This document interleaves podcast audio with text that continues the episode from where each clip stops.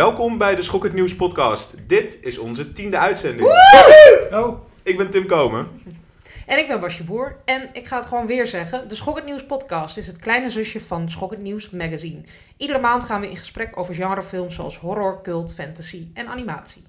Dit keer zitten we aan tafel met Schok het Nieuws medewerkers Julius Koetsier Hallo. en Jasper ten Hoor. Hallo. En we gaan het hebben over de Oscars. Of nou ja, de alternatieve Oscars. Welke films hadden deze prijs verdiend in een parallel universum en waarom?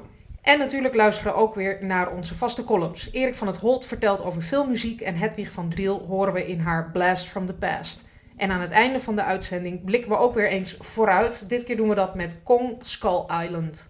Maar eerst dit. Welke films hebben jullie recent gezien? En ik dacht, laten we beginnen met Jasper. Eh, jij hebt een, eh, een mooie stinker gezien. Mooie stinker, dat zeg je goed inderdaad. Ja, Rings.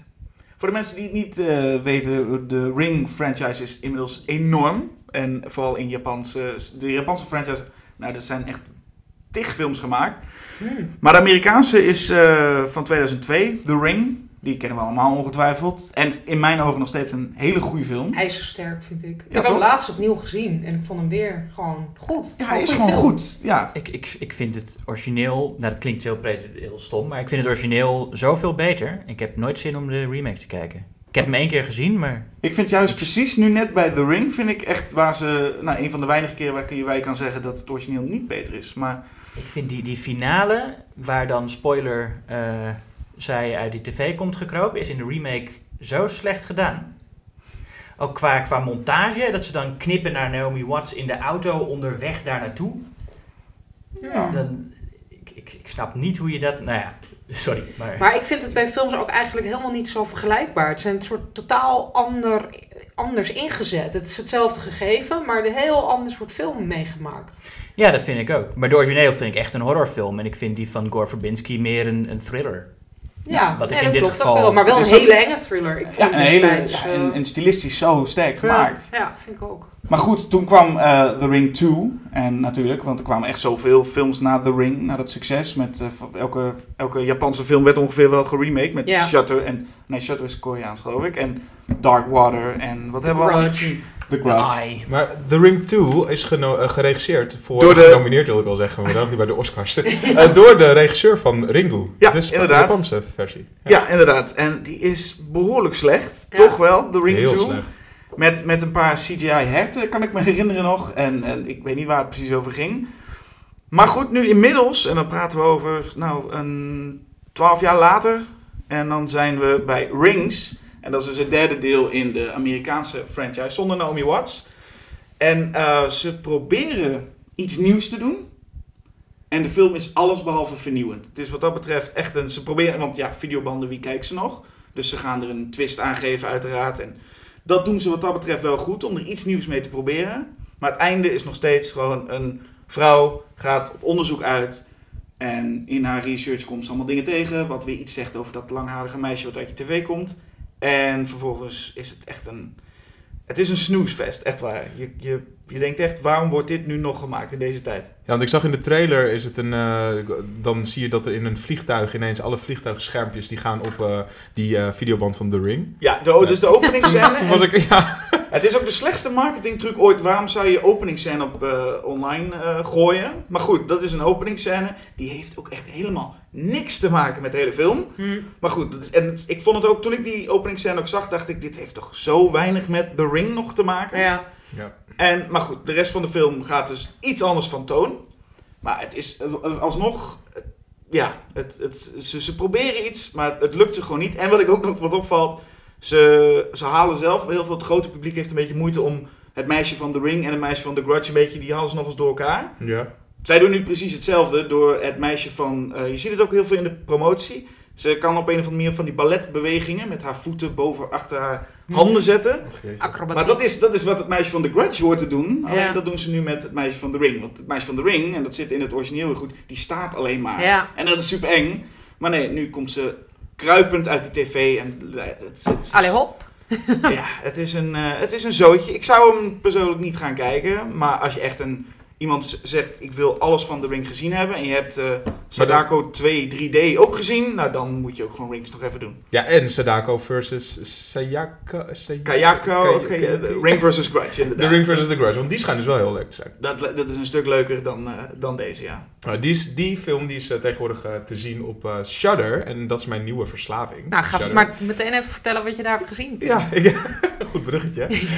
Shudder is een beetje de Amerikaanse versie van Netflix, maar dan met heel veel obscure horrorfilms. Eh, en er staan echt allemaal hele, bijvoorbeeld Pieces, dat is echt een van de soort van underground slasher die, eh, die heel veel mensen heel erg leuk vinden. Staat erop, maar ook eh, The Blair Witch Project tegenwoordig. Oh. En, en die sponsoren ons? Of? Eh, nee, was het maar zo'n feest. Shudder, if you're listening.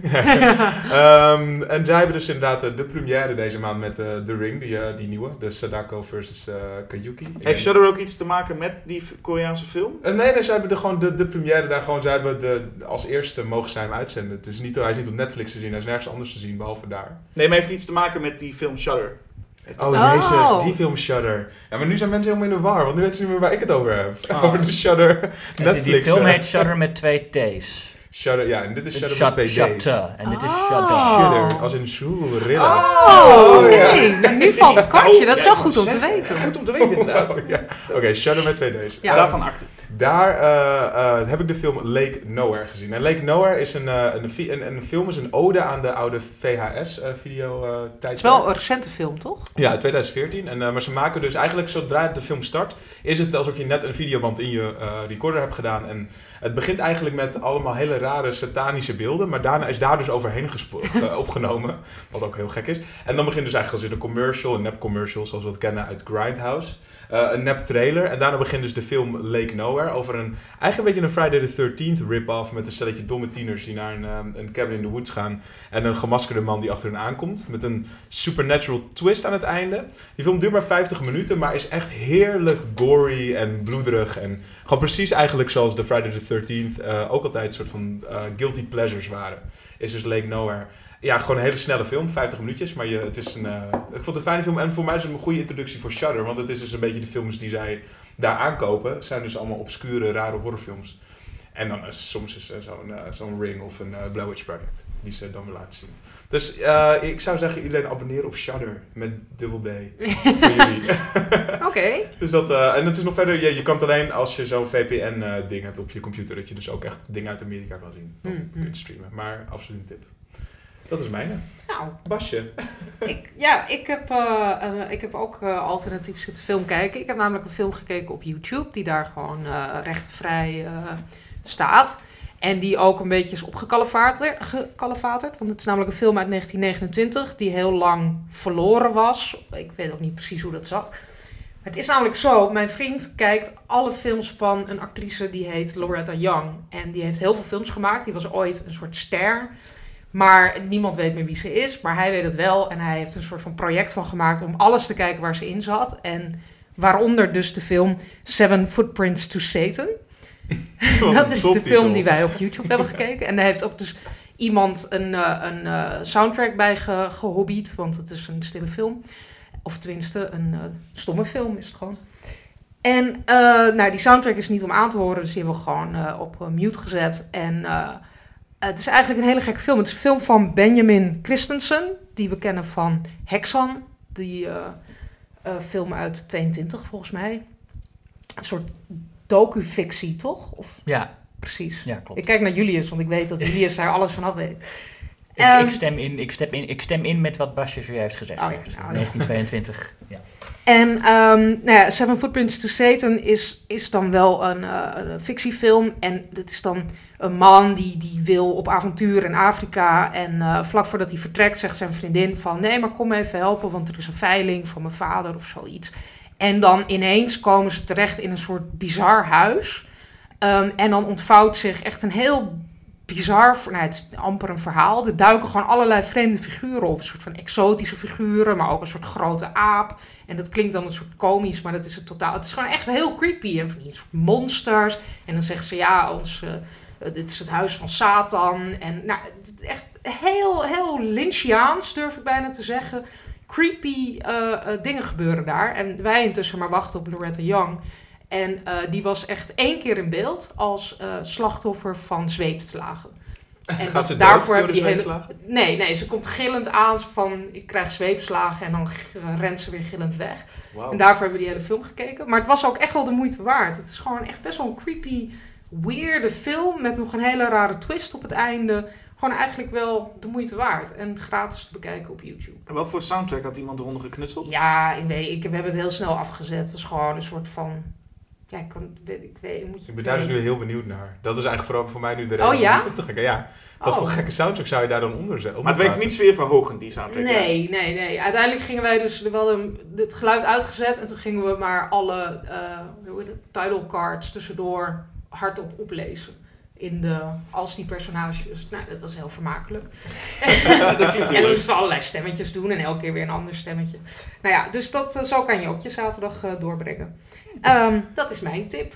Leuk, op YouTube dus. Eh, Ja. Julius, jij was net nog druk aan het schrijven, want voor mij ben je net van film veranderd. Ja, ik ga het hebben over de Lego Batman movie. Ja, die heb ik vanmiddag gezien. En niet over? Niet over John Wick 2. Nee. Wil ik ook wel wat over zeggen. Maar eh, dat doe ik nou niet. Nee, doe maar dat eens doe lekker niet. Nee, moet je, Nee, ik wil ga, maar mijn recensie lezen. Oh ja, oké. Nee, ja. wat, wat wil je weten? ja, is hij goed, John Wick 2? Ja, hij is wel goed. Oké, nou, klaar. Oké, nou, Hij is heel goed. klaar. Eh, ja, de Lego Batman movie eh, vond ik ook wel eh, is, is eh, aardig. Eh, in ieder geval de, de, de beste Batman film van deze eeuw. Ehm, Van deze eeuw ook. dus, nou ja, de, best, de beste Batman film. Nee, sinds Batman Returns Oh, vind ik de, de beste. Batman Returns is beter. En die met Adam West is ook beter. Maar dit is sinds, de, sinds die Zeker. films is het, eh, is het de beste. Het is heel raar. Aan de ene kant zit er heel veel eh, grappen in die voor, voor nerds en ook voor volwassenen wel eh, die duidelijk op dat publiek gericht zijn. Ehm, het is een beetje satirisch. Het steekt een beetje de draak met grote Hollywood dingen. Het is, eh, en er zitten ook heel veel verwijzingen in naar obscure dingen. Er zit zelfs een, een verwijzing in naar de, de, de jaren tachtig vechtfilm Jim Kata. Dat is namelijk de vechtstijl die Robin eh, beoefent. Dat is een grap die... Ik, volgens mij was ik de enige in de zaal die eh, dat eh, begreep met mij. Heel hard te lachen en Ja. iedereen. Ja, dat, vond- dat vond ik wel heel... Is, is er heel veel mensen in die zaal die gaan dan elke keer als er wordt verwezen naar iets obscuurs uit de strips... heb je altijd van die types die dan zo... "Huh!" Om Ja. te laten zien dat ze het herkennen, weet je wel? Dat. Oh, zo erg. Ja, dat, eh, dus dat, dat, dat doe ik dan vooral niet. Ik probeer me heel erg in te houden elke keer als dat gebeurt. Het Ehm, gebeurt wel de hele tijd natuurlijk. ja, het dat gebeurt je wel- Maar je voelt de neiging wel om dat te gaan doen. ik voel wel die... Ja, ik, ik, kan, ik snap die neiging heel goed. Daarom, daarom doe ik het ook. Daarom vind ik het ook zo irritant als andere mensen zich niet kunnen inhouden, weet je wel. Ehm, maar het gekke is dat de grappen zijn dus heel erg gericht op een volwassen publiek. Maar het verhaal en de boodschap, die is, is gewoon heel formulaisch en, en, en voorspelbaar en duidelijk voor kinderen. Het is zo van, Batman moet gewoon eh, de, de, de waarde van vriendschap leren kennen, is het eigenlijk. Want hij begint zo een beetje dark and brooding Batman, zoals Christian Bale hem deed. En dan leert hij Robin kennen en Barbara Gordon en dan, nou ja, heeft hij een nieuwe familie. Wordt zijn stem ook nog steeds ingesproken door eh, Will Arnett? Ja. Oké, dat Er zitten ook heel veel leuke eh, komieken in. Eh eh, Zach Galifianakis is de Joker. En eh, ook heel veel klein. Conan O'Brien is de Riddler, die er heel even in zit. Hm. Eh, Jason Mantzoukas is Scarecrow. Allemaal cameo's hoor, maar ja. Dus de- ja, hij is wel... Het is wel hij is, hij is, eh, sowieso qua actie is hij ook wel goed. Het is een goede komische actiefilm en wel een van de betere superheldenfilms. eh. En als je nou de, ik heb de, de Lego Movie ook gezien, en als dan, is het gewoon echt in dezelfde lijn, dezelfde stijl, of is het ook nog echt iets wel vernieuwends? Ehm, nou, visueel en qua humor is het niet heel... Nee, is het gewoon in, in dezelfde lijn als de Lego Movie, ja. Maar het is wel heel met goed. Batman. Een grote Oscar. Maar met Batman, Maar ja. daar hebben we het straks nog over. Ja. Hey, eh, Lu- Julius, wanneer is die eigenlijk te zien? eh? Dat weet ik niet. Oh, Maar nee, oh, ik, ik geloof deze week, later deze week. Deze Dus week ik ook. eh, moet hard aan mijn recensie gaan. eh, volgens mij donderdag. dus op de En wij leven hier op 6 Oh. februari Oh ja, sorry. nee, dit is, we Al nemen lang het vandaag al op. Je. Je kan meteen naar buiten rennen Nee, en de film gaan zien. Sorry, nu we, het, nu we het opnemen is hij nog niet uit. Maar als hij straks uit is, dan is hij wel uit. Precies. Top. De Lego Batman movie kan je dus nu in de bioscoop zien. Rings kan je ook nu in de bioscoop zien. Kan, No- hoeft niet. Hoeft, hoeft niet. Nee, dat doe maar niet. Uh, Lake Nowhere bekijk je op Shudder. En Seven Footprints to Satan vind je op YouTube. En nu gaan we luisteren naar de column van Hedwig van Driel. Whatever you had done, I could have pitied and protected you. Because I am mad, I hate you. Because I'm mad, I have betrayed you. And because I am mad, I'm rejoicing in my heart without a shred of pity, without a shred of regret. watching you go with glory in my heart. Dit is Hedwig met Blast from the Past. Meestal kijk ik in deze column terug op een oude film naar aanleiding van een nieuwe release. Een film die net uit is of binnenkort uitkomt. Maar het is vandaag de Oscar-uitzending en ik dacht, ik doe gewoon ook mee. Daarom gaan we vandaag terug naar het eerste jaar dat er maar vijf films genomineerd waren voor beste film. 1944.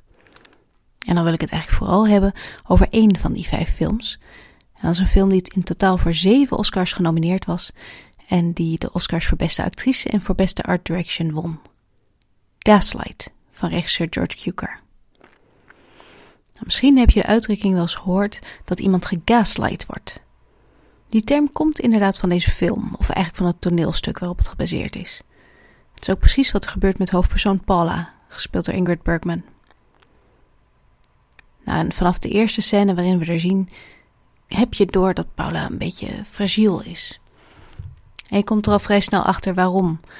Haar tante, die haar in huis nam na de dood van haar moeder, die werd bruut vermoord.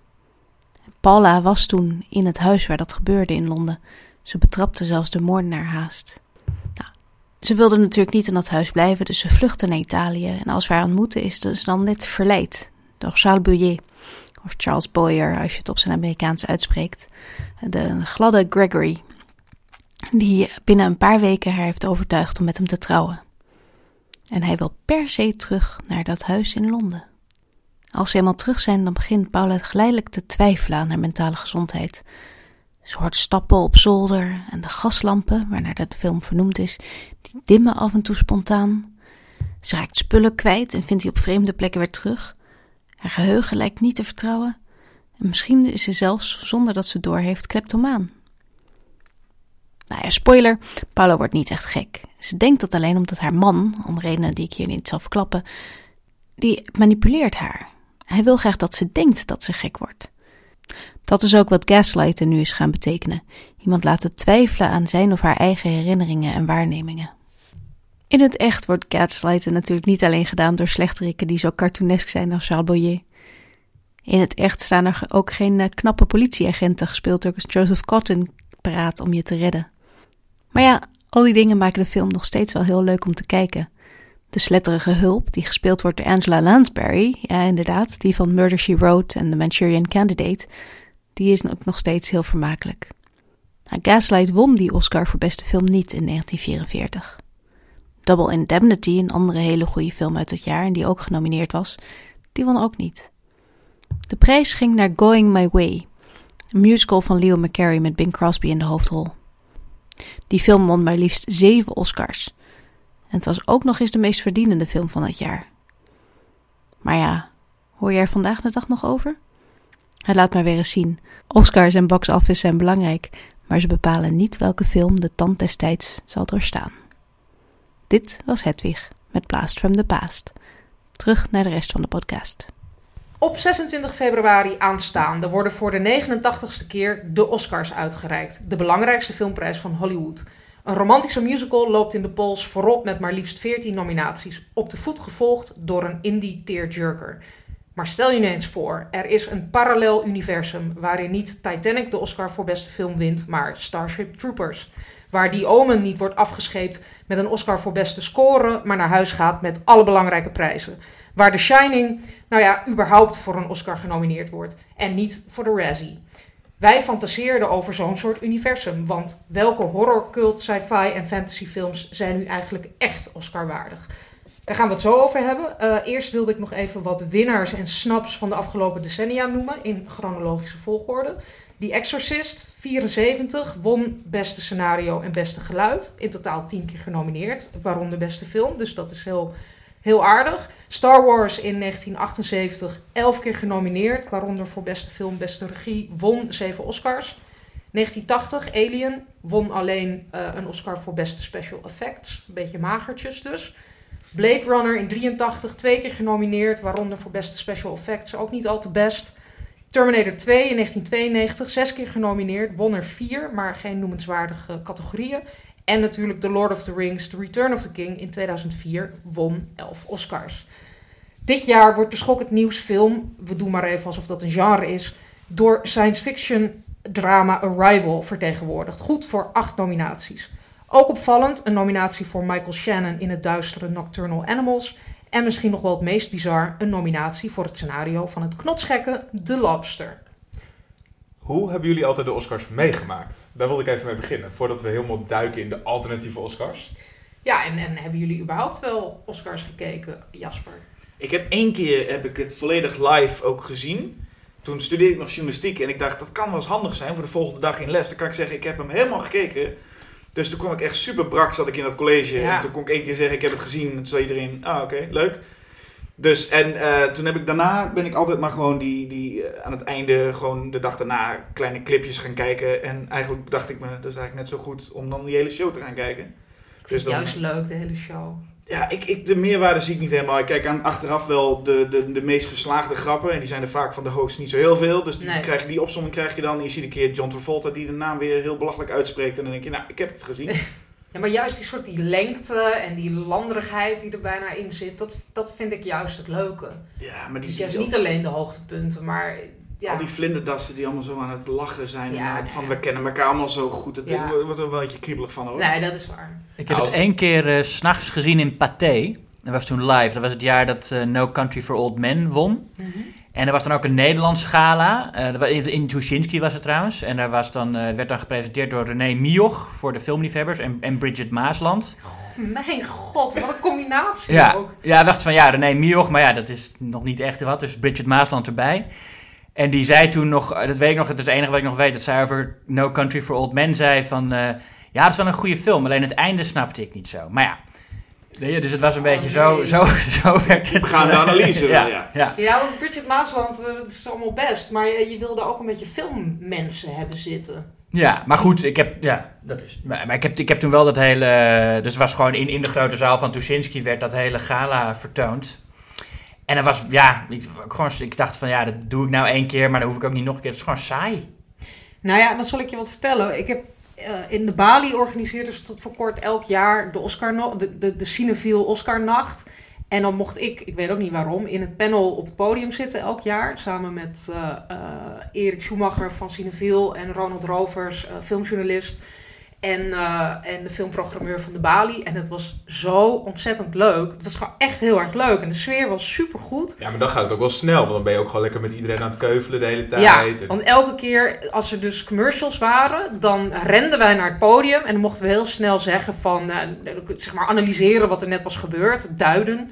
En, eh, en onze mening geven. Nee, dat is gewoon heel leuk om te doen. Maar je had ook echt een soort sfeer met het publiek, inderdaad. En, eh, en gewoon de hele avond de bar open en heel veel koffie. En, Maar dat is dan leuk. Maar die show is eigenlijk, show is eigenlijk geen hol aan dan. nou ja, ik heb dus vorig jaar, want toen was voor het eerst niet die Oscarnacht. En eh, ik moest toch een soort van afkicken. Toen heb ik het. eh, ben ik, heb ik de wekker gezet, zodat ik het op een gegeven moment... Ik dacht, ik ga het niet helemaal kijken, maar dan ga ik wel de wekker zetten. En dan ga ik vanaf drie uur s'nachts kijken. En eh, met een soort van raar linkje gevonden op internet en dat gekeken. En ik vond het echt heel erg leuk, toch? Zo thuis in mijn eentje. Ik, ik weet niet, ik vind het echt wat hebben. Juist dat, ja, dat het live is ook. En dan op Twitter natuurlijk de hele tijd volgen wat iedereen erover Ja. zegt. Ik vind het wel een aanrader. Ook als je denkt, Oscars, nou ja, wat stelt het eigenlijk voor? En waarom zijn ze gestopt met die avond? Rechten kwesties, te ingewikkeld. Ja, ik vind het ook eeuwig zonde. Jammer. Ja, heel jammer. Ja, het begint natuurlijk al, die Oscars beginnen met de, de, de beetje de saaie awards. Die geven ze als eerst weg. Tenminste, beste Ja. mannelijke bijrol vaak als eerst. Ja, dat is dan ik. de eerste weggever. Ja, dat is de eerste. En daarna komen allemaal sound editing. En... Maar ze doen dat tegenwoordig wel beter. Iets, eh, eh, ja, ik vind, ik vind dat wel meevallen met het saai, het saaigheidsgehalte. Maar het ligt ook heel erg aan de host. Want je had ooit Ja. een keer James Franco, geloof ik. En Ja. dat was echt niet om Ja, James. Franco en Hathaway. Ja, maar want hij stond het een soort ironisch te doen en zij was bloedserieus. En dat werkte niet. Het kan ook heel leuk zijn, maar dat was heel stom. Maar even een leuke host, dat is vaak ook wel belangrijk hoor. Nu is het Jimmy Fallon, toch? Eh, ja. Oké, top. Is Nee, niet toch? Nee, nee. Jimmy Oh. Fallon had de Golden Globes Oh, sorry. Ik heb Was niet Oh, Jimmy sorry. Kimmel? Jimmy Kimmel, ja. Oh, Jimmy Ja. Kimmel. Die, hou ik altijd door elkaar. nou, Ik ook. Terwijl het Nee, heel de een ander is iets soort... minder Nee, dan de andere ander. types, ja. Hey, kijk, vroeger keek ik het altijd, Ja, eh, want toen was het helemaal niet op eh, tv. Of tenminste, dan was het volgens mij op Filmnet of zo kon je dan kijken. Nou, dat hadden, hadden mijn ouders niet. Dus dan keek ik het altijd stiekem in bed. En dan de hele nacht dan ging ik het luisteren op de radio. Oh, wauw. Echt why? En op een gegeven moment toen was ik eens een keer aan het wachten en dan het begon nog niet. En het duurde dan heel erg lang. Weet je, om een uurtje of vier s'nachts of zo dan begint het eindelijk. Na drie, twee, zoiets. Ja, ja. En eh, toen gingen ze dus als eerste hele dramatische verhalen vertellen. Echt over een, een man die, het- die, die dood was gevonden ergens. En ik zat echt zo ineens een soort van radio-hoorspel was ik verwikkeld. Voordat de Oscars begonnen. Dat is me altijd bijgebleven. Oh, daarna, ja. daarna was het gewoon voor eeuwig saai en eh, duurde het heel erg lang. Dus dat ben ik wel met je eens. Eh, en, en brak op school. Maar ik, ik kan me voorstellen dat zo'n avond in de Bali heel gezellig is. is zo leuk, echt. En dan ochtends ontbijten, hè, dan kwamen de croissantjes en dan met de eerste tram naar huis. Echt heel erg leuk. Ik mis het. Volgend jaar weer, hoop ik. Ja. Ik wil ook wel altijd weten wie gewonnen hebben aan het einde. Ik, ik kijk het nou niet meer, maar ik ben wel altijd heel benieuwd wie er gewonnen hebben. Ja. En dan zie ik het en dan denk ik, ja, oké. Ja. Ja. Het is, nooit, het is nooit iets, het is nooit, niet heel bevredigend als Nee, je dan is weet of zo. Want het is ook, ja, het, het zijn nooit echt de beste films. Historisch gezien zijn de Oscars gewoon niet zo goed in wat ze menen te doen. Namelijk Nee. de beste film van het jaar kiezen. Dat, dat kunnen ze gewoon niet. Dus je hebt...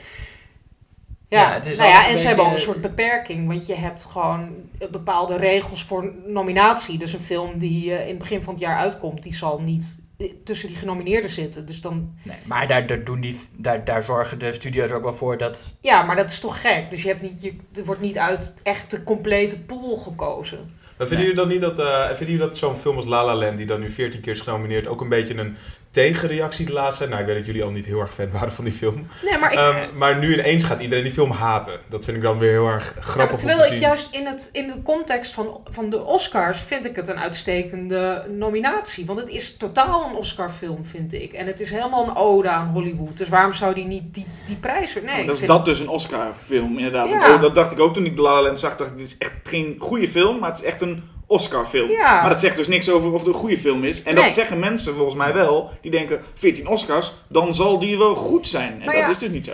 Nou, je hebt ook wel films die duidelijk gemaakt zijn als Oscar bait, die echt slecht zijn. Zoals eh, Incredibly Close en Eternally Loud, of hoe die ook Ja, ja, ja. Dat, was echt Oscar. Werd ook wel genomineerd trouwens, maar die won niks. En dat niks was ook niet, Shakespeare in werd ook niet verwacht. Ja, maar die won wel... Ja, die eh, won alles, volgens ja. mij. Ja. Beste film. Maar La La Land, dat is wel echt zo'n nostalgische... Het, is- het zijn vaak films die zich afspelen in Hollywood en die gaan over Hollywood. Eh, De Birdman en The Artist. En, eh, Argo. Ja. En La La Land is dan... Ja, de reden dat ik het niet zo'n goede film vind... is gewoon dat het al- als musical... Het is, het, het is niet echt een musical. En weet je, het- ook als ode aan films als eh Singing in the Rain... en There's No Business Like Show Business... faalt het voor mij gewoon. Omdat er geen... Niet dat, dat spektakel zit er helemaal niet in. Als je twee minuten neemt uit Singing in the Rain... waarin eh, Donald O'Connor een, een dansje doet... dat je eigenlijk uit de film zou kunnen knippen... heb je al meer spektakel dan in heel La La Land. Ja, ik ben het daar dus niet mee eens. Maar die, deze discussie hebben we al Nee. vaker gevoerd. Tim is het een beetje ik, zat ben, nu. ik, ben, ik ben een beetje zat en ik ben, vind het een hele leuke film. La La Land. Dus, Nee, en dus er mag er zit één moment in. Ik, er is er één moment in dat ik, dat ik een echt een goed musical moment vind. Dat is als Emma Stone eh Iran aanvraagt bij eh, eh, Ryan Gosling en dan gaat playbacken.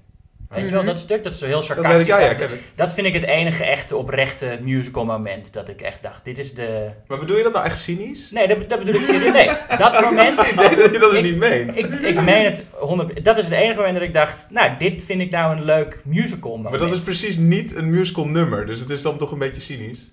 Eh, nee, want dat- ik vind het heel. Nee, het is, maar er zitten ook geen echte musical nummers in. Het, ik bedoel, ja, er zitten wel musical nummers in, maar niks dat heel catchy is of zo. Alleen dat. Nee, Ja, ik, ik meen het echt. serieus. Je kijkt me nog steeds heel cynisch aan. Ik, ik meen het heel. Dat vond ik. Het, het, Straks wordt het matten. dat vond ik een moment van, van het soort pret dat je in een oude musical hebt. Dat bedoel ik meer. Want je zag ook echt dat Emma Stone daar ook niet... Want ze, ze kan niet zo goed dansen en zingen. En daar hoefde ze zich daar niet, ook niet op te concentreren. Je, daar zag je haar echt ook een, een, een goede performance geven, vond ik. Ja, nou ja, ik... Ja. Maar ik snap je punt wel. Maar je krijgt dus het gevoel nu ook, door zo'n La La Land, dat mensen een beetje Dit is een beetje waar we na, eh, wat ze in Hollywood of wat de mensen van de Oscars graag willen nu. Even deze tijden willen we even zo'n film die terug, ons terugbrengt naar... Nou ja, en kijk, het is wel, het is dus inderdaad wat jij ook zegt, Julius. Het is geen Oscar-bait. Het is wel echt, zo- die, die filmmaker wilde echt deze film maken. Die, dit is zijn Ja. visie. En dat, dat wordt ook beloond door de Oscars. Dus Maar wat dat Tim betreft- inderdaad zegt is meer dat nu heel veel mensen dat horen. Denken, oeh, 14 nominaties, zal geweldig zijn. En dan komt er dus die, altijd die tegenreactie. De backlash. maar en- die backlash was al bezig voordat de nominaties bekend werden gemaakt. Volgens mij is dat, gebeurt dat bij elke film die gewoon veel succes heeft. Komt altijd een, een, een backlash, toch? Ja, En andersom gebeurt het volgens mij ook. Films die gehaat worden, worden daarna ook weer even... ja. Toch wel weer van, ach, het was toch niet zo slecht. Ja, nou ja, precies. Maar, want, wat, kijk, ik zeg net Oscar waardig, maar wat is dat, wat, wat betekent dat eigenlijk? En wat is die term eigenlijk waard?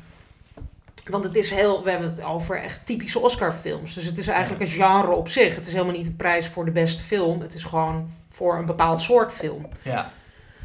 Maar Ja, dan... oh, sorry, ga maar. Nou, een soort film dat dus de Academy aanspreekt. En dan moet je kijken wat de Academy is. Dat zijn over het algemeen oude witte mannen, zoals eh, de voorgaande jaren ook veel in het nieuws is geweest. Acteurs zijn ook heel erg oververtegenwoordigd. Dus echte acteursfilms zie je ook vaak. Eh, scripts met heel veel dialoog, daar houden acteurs ook van. Hm. Eh, Character-driven vaak. Maar als je dan kijkt naar de vijf horrorfilms die ooit werden genomineerd voor beste film. The Exorcist, Jaws, The Silence of the Lambs, The Sixth Sense en Black Swan. Mhm. Dat zijn de, va- daar vallen die dan. Want eh, bijvoorbeeld... Maar dat zijn wel heel erg plotgedreven films, als Ja. ik het zo... eh, dus, Ja. Ja, scenario-films, zeg maar. In de jaren 70 was het ook nog wel anders. Het is wel het is vrij recent dat, dat Oscar bait echt een, eh, een ding is geworden. Hm. Eh, Want- Zullen we maar eens kijken naar welke film wij eigenlijk vonden dat... Ja, laten we naar dat parallele universum gaan Ja, waarin we gewoon even zelf af. die Oscars uitdelen. Ja, wij zitten nu in de Oscar-jury en wij vinden dat voor beste film... Nou, trap hem maar af jongens. Wie, eh, wie, wie, wie durft? Nou, volgens mij moeten we het met z'n allen, denk ik, iedereen het even over The Shining hebben. Je noemde het net Ah, al ja. even. The Shining lijkt me echt eentje waar we even over moeten beginnen, toch? Ja, nee, dat klopt. Want die werd genomineerd voor, eh, ik weet niet of hij ook gewonnen heeft trouwens, voor een Razzie, in ieder geval voor slechtste regie. Nee, heeft niet, niet gewonnen. Nee. Volgens mij Oké, voor, niet, voor eh, wat was het nou? Twee Regie. Razzies. En voor eh, slechtste bijrolactrice voor Shelley Duvall. Dat is een Ressie dan. Ja. Ja, Razzies vind ik ook kut, want die, die straffen gewoon, die, die, dat- die, die straffen ambitie af, weet je wel. Iedereen die iets anders probeert en het mislukt, die krijgt dan een Razzie, weet je. En Ja. dat zijn, er zitten ook wel gewoon echt slechte films tussen, maar ook dingen als Showgirls en zo, waarvan je denkt, ja, dat, dan, dan snap je het gewoon niet. Maar kunnen we vooral Ja. zeggen dat Ressies inmiddels zo achterhaald zijn. Ja, Ja, ik bedoel, dat. dat is toch Ja. nu niet meer... Ik bedoel, met YouTube en alle mensen... Iedereen maakt wel een gek filmpje over de slechte films. Je hebt wel een honest trailer, je hebt wel dit, je hebt wel dat. Ja. En vervolgens komen de Ressies nog een keer met... Haha, we doen slechte films, geven we een prijs. Ja. Het, is heel erg, het bestaat veel langer, maar ik krijg toch een beetje een soort 90s gevoel bij, bij die Razzies. Ik denk, Toen werkte het waarschijnlijk ook wel, maar nu inmiddels moet je dat toch niet meer doen. Dat ze Nee. nog bestaan überhaupt. En dat ze ook in één naam vaak genoemd worden met Oscars, wat wij nu ergens ook moeten doen. wij ook niet doen. Nee, het is, ze hebben een Oscar gewonnen. Oké, dat betekent nog iets, maar een Razzie, dat zegt toch ook helemaal niks. En voor Ja, maar- is het leuk hoor, dat een, een Paul Verhoeven of Halle Berry het komt ophalen. Maar in principe stelt het, is het gewoon een leuk grapje en dat was leuk. Maar laten we het dan eens hebben over de, want dan The Shining, die dus, misschien even in om het even in het tijdsbeeld te plaatsen. Hoe keken mensen destijds naar Stanley Kubrick? Kubrick was eerst een, wel echt een publieksregisseur waar mensen naar uitkeken. En eigenlijk sinds Barry Lyndon is dat eh, steeds minder geworden. Die was voor The Shining. Ja, Barry Lyndon was... De jaren 70, Ja. The Shining 1980. Ja. Nou ja, Ehm. ik zeg, 2001 A Space Odyssey, 69, eh, werd vier keer genomineerd. Ja. Waaronder beste regie, maar niet voor beste film. Nee, maar het was ook een grote publieksfilm toen. Als je dat Ja? nu kijkt is het alleen maar arthouse, maar toen was dat echt... eh, dat is echt bizar om te en- bedenken en, eh, ja, het werd ook nog zelfs in, in de, de, de recensies van toen zeiden dat, dat ze te, te veel special effects eh extravaganza vonden, te commercieel. Oh ja? Oh, wat grappig. Hele andere tijd. Ja. The Shining verloor overigens van Ordinary People. Oh ja, Dat is de, de film die, eh, die, Die uiteindelijk... Ja, Donald Sutherland, toch? Wat zeg je? Ja, inderdaad. En onder andere, ik zeg, ik zeg het maar even, Elephant Man en Raging Bull waren ook Oh ja, dat was. Raging Bull. Ik dacht, welke betere film dan Ordinary People was er nou ook weer? Raging Bull, was inderdaad, Bull, ja. Die had hem mogen winnen. Maar eigenlijk The Shining. Oh, sorry, Denk ja, ik, The ik Shining. vind, ik The vind dat The Shining. Eh, had, hem, had Ja. hem mogen krijgen sowieso. En zeker ook voor beste regie. Als je het hebt Absoluut. over een geregisseerde horrorfilm, en dan is dat toch echt... eh, Ja, absoluut. En ook, moet ik zeggen, die, die rol van Shelley Duval had ook voor mij wel het beste eh, vrouwelijke bijrol kunnen krijgen. Want er wordt heel vaak over, over een beetje nou, lacherig over gedaan. Dat zij eigenlijk het enige is in die film wat niet goed is. Maar ik vind haar gewoon echt... eh, Ik vind haar overtuigend. ze is zeer overtuigend. En Ja. ja, het is in horrorfilms natuurlijk vaak... Qua acteren hoef je niet zo... Ja, is het vooral bang spelen. Wat best wel moeilijk is, maar niet heel uitdagend voor een acteur. Of nou, wel uitdagend, maar je kunt er niet... Het is niet iets waar je heel, heel veel in kwijt kunt of zo. Je kunt niet heel complex... Complex bang zijn. Ja, je, je moet gewoon blinde paniek. Wat, Nou, maar zij speelt heel goed bang, maar ik vind dat ze voordat ze bang moet zijn, speelt zij ook heel goed een, dat onderdanige vrouwtje van Ja. Jack Ja. Torrance. Dat speelt ze ook heel overtuigend, vind ik. Nee, precies. Dus ik, ik vind haar denk ik wel een van de beste Scream Queens. Hmm. Ja. Ja. En Jack Nicholson vind ik ook wel een van de beste eh Die had- guys, zeg maar. Die had, Die had ook een nominatie mogen krijgen, toch? Voor mij wel, ja. Had niet- het er had- misschien iets mee te maken dat het eh, boek van Stephen King niet heel erg eh, trouw is verfilmd door Kubrick? Dat daardoor mensen misschien dachten, oh wat een kutfilm. Volgens mij dacht Nou. King dat vooral zelf. Die vond het Ja, volgens mij ik- vooral ik kut. probeer- zei dat, maar... Ja, ik, ik weet dat het nu een klassieker is en dat ook in de tijd dat ik opgroeide iedereen van die film al hield. Maar waarom werd, werd die toen zo slecht ontvangen? Ik, En- ik weet het King niet. vond vooral eh, Nicholson ook geen goede casting. Omdat Ja. Nicholson eigenlijk van zichzelf, eigenlijk zijn personage Jack Torrance moest eigenlijk een man zijn die langzaam maar zeker gek wordt, maar nog normaal begint. En eigenlijk begint Jack Nicholson meteen al, want het is gewoon een beetje een geschifte gozer. En Ja. dat weten we allemaal. Dus meteen als we hem bij die sollicitatie al zien zitten met die wenkbrauwen, denken we al, hier is al iets mis mee. En dat vond King een beetje eh, vervelend. Maar Nicholson speelt nog steeds zo fenomenaal in die film. Ja. Mhm.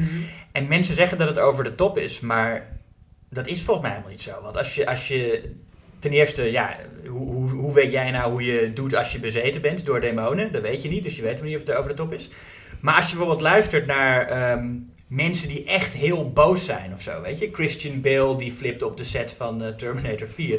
dat is toch veel meer over de top dan Jack Nicholson in eh, The Shining. Nou, absoluut. Zeker. En ik vind een van de sterkste momenten in ook het spel van Jack Nicholson is puur alleen het shot waarin, hij- en dat is natuurlijk ook voor Kubrick, dus die had zeker regie moeten winnen, is dat hij gewoon alleen maar uit naar buiten staart. ja, En als je dat dan eh, ziet, denk ik, dat deze man, die, die, die is... is Terwijl Wendy en Danny in de doolhof rondlopen. ja, als je met Ja. één blik al dat kan bewerkstelligen, dan ben je heel goed bezig. Hoewel ik me wel afvraag of inderdaad, want ehm, Robert De Niro heeft wel gewonnen toen van... Zou, die dan, zou, zou Nicholson ook van Nee. Robert De Niro het ratingpool Nou ja, mogen winnen? Op zijn minst een nominatie ben ik het wel, Ja, vind ik zeker. sowieso. Het zijn ook wel vergelijkbare, het zijn ook allebei rollen die zowel dramatisch als geestig zijn. Ja, dat klopt. Tenminste, ik vind Robert De Niro heel grappig in Raging Bull. Ik weet niet of... Ja, dat is, dat, ik kan, daar kan ik wel eens in, eh, in vinden, ja. Hmm. Ehm, een regisseur die ook nooit werd genomineerd, of niet zo snel werd genomineerd, was Alfred Hitchcock. Wat vinden jullie daarvan? Bijzonder. Voor Vertigo en voor Psycho heeft hij geen nominaties gehad. Nee, Nou, het zijn ook allebei ook, films die destijds niet helemaal op waarde werden geschat. Tenminste, Nee. vinden we dan nu. Dus nu is Vertigo, nou, is in 2012 verkozen tot beste film aller tijden door eh, de BFI. En eh, destijds was dat gewoon een soort van... Ja, Was Hitchcock zelf toch ook niet blij mee met Vertigo? Dat hij dan ook nooit meer met James Stewart wilde werken na die film? is dat zo? Dat hij James Stewart ook te oud vond en dat hij ook... Dat Nou ja, hij had sowieso problemen met de casting van de eh, vrouwelijke hoofdrol, die uiteindelijk door Kim Novak gespeeld zou worden. Want daar had hij, wie zou dat ook weer oorspronkelijk doen? Een actrice die zwanger werd en daar was hij heel erg pissig over. En toen werd hij opgezadeld met Kim Novak, maar die vond hij eigenlijk veel te sexy voor die rol. Want hij hield niet van eh, sexy vrouw, of tenminste het moest een beetje meer onderkoeld sexy zijn. En Kim Novak was veel te veel een soort seksbom. Ehm, dus dat vond hij vervelend. Dus het zou heel goed kunnen dat hij inderdaad niet tevreden was over die film. Maar dat, dat weet ik eerlijk gezegd niet. Maar goed, Hitchcock had sowieso een Oscar wel Ja, mogen en Psycho was heel erg een soort van eh, snel, goedkoop gedraaid filmpje. Dit was helemaal niet zo'n soort eh groots opgezette productie of zo. Maar je zou denken dat hij juist Psycho had hij heel erg uitgemeten, toch? Dat is toch een enorme... Die, die douche die is ongelooflijk complex. Ja, nee, maar verder, volgens mij zit er niet veel. eh, het, het was gedraaid, want hij deed toen die televisieserie. Ehm, de, ik weet niet hoe dat heet, Hitchcock. Ja, Presents. Alfred Hitchcock Hitchcock Presents, Presents. ja. Ja. En eh, toen dacht hij, oh ja, ik ga dit boek ga ik ook zo verfilmen. Gewoon met een kleine crew en heel eenvoudig. En, en daar is Psycho uitgekomen. Dus het is helemaal niet een groots opgezet gebeuren. Maar misschien die scène dan. Kijk, hij was natuurlijk een heel specifiek iemand die, die dingen... Ja, het is gewoon een ontzettend goede regisseur. Dus hij heeft het helemaal niet... Hij heeft het natuurlijk niet halfslachtig zitten doen. Maar onterecht dat hij niet vaak voor een Oscar is genomen. Hartstikke onterecht. Hij wordt nu wel gezien als een van de grote... Ja. Ja. Hij was misschien meer iemand die een, een eh, hoe noem je dat, career eh, achievement eh, Ja. had moeten... Zoals, zoals Jackie Chan bijvoorbeeld. Ik snap best dat Jackie Chan niet voor individuele films voor Oscars genomineerd is. Hoewel ik het daar niet mee eens ben. Maar ik snap wel dat... Maar hij heeft wel een, een, een, uiteindelijk een honorary Oscar. in- En Charlie Chaplin eh, geldt dat ook voor. Ja. En Hitchcock was ook een beetje. Hij, hij heeft een paar. Hij heeft natuurlijk heel veel eh, eh, heel goede films gemaakt. Maar ook heel veel films waarin hij zich gewoon een, een, vakman toonde. En zo werd hij toen ook veel gezien. Ja. Als echt een vakman die pas later, toen de, de Franse critici hem een, tot auteur uitriepen. gingen mensen echt denken: van, oh, hij, hij is echt een kunstenaar. Ja. Ja. ja, en iemand die, die, die- bij wie nou, die een bepaald soort thematiek heeft, wat elke keer weer eh, terugkeert. Nou ja, dat is het Ja. gegeven van een auteur Ik vind natuurlijk. het trouwens heel jammer dat de Lifetime Achievement Award niet meer eh, gedaan wordt tijdens de, Ja. tijdens de. Ik snap ook niet waarom ze dat niet meer doen. Maar Nee. dat is een andere kwestie.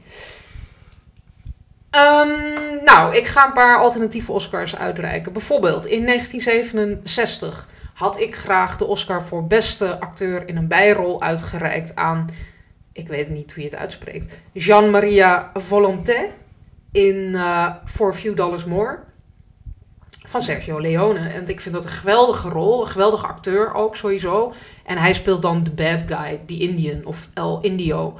En die hele verhaallijn is ook geweldig rondom zijn personage. Want het is zo'n soort van bad guy, maar je krijgt hem wel zo'n soort van terugblik, waardoor je ziet waarom die zo slecht is geworden.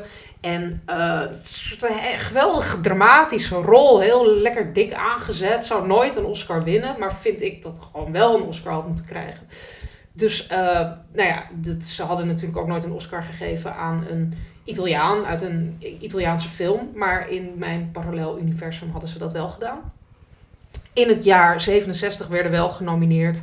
eh, bijvoorbeeld James Mason en Walter Matthau won voor de Fortune Cookie. En eh, Robert Shaw was eh, genomineerd om een beetje een beeld te geven van hoe dat eh, was in 1967. Ehm, en ik zou in 1985 een Oscar hebben uitgereikt aan Melanie Griffith voor beste vrouwelijke bijrol in Body Double van Brian De Palma. Als Holly Body speelt ze daarin. Ik vind sowieso dat Melanie Griffith totaal onderschat is altijd. Want ze is een ontzettend goede, een hele goede komische actrice ook. En eh, sorry, ja, ik vind Body Double gewoon een geweldige film. Maar ook helemaal over het randje eigenlijk. Of net niet over. Ik weet niet, hoe denken jullie erover? Ehm, ik vind het een mooie keuze. Ik ja, nee, wat je zegt, net niet over het randje. Het is, het is een beetje, het- soms wordt het bijna een parodie. Ja. En ook trouwens heel erg natuurlijk eh, eh, dik boven de erbovenop Hitchcock eh, Ja, ehm, ode. Maar ehm, Melanie Griffith heeft in dat jaar wel een eh, Golden Globe gewonnen voor beste vrouwelijke bijrol. Ehm, en eh, Brian De Palma werd genomineerd voor, dan ga ik hem toch weer noemen, de Razzie voor slechtste regisseur voor Body Double.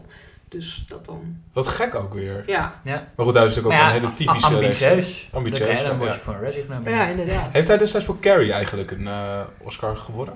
Carrie heeft wel Oscars gewonnen. Ik weet Sissy. Spacek was volgens mij genomen. Nee, ze zijn genomineerd. Oh. Spacek en Piper Laurie zijn allebei genomineerd. Oh ja, precies. Maar geen van beiden kregen hem.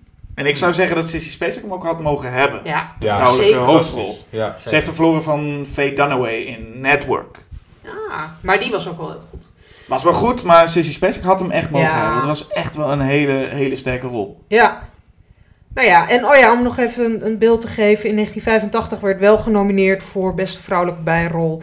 ehm Glenn Close en het zijn allemaal mensen die ik niet eens meer ken. Eh, Peggy Ashcroft heeft hem gewonnen. Wie is dat? In een film die heet A, Pas- A Passage to India. Oh, die. Ik heb geen Dat zegt idee. me helemaal niks. nou ja. Klinkt als Dus een La La Land van die jaren. Ja.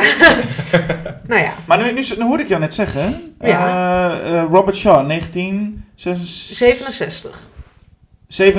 Oké, want ik, wat ik heb Robert Shaw ook op mijn lijstje Oh, staan. ja. Als dat hij een snap is voor Jaws. Oh, oké. Ik snap Ah. niet dat hij niet genomineerd is voor Jaws.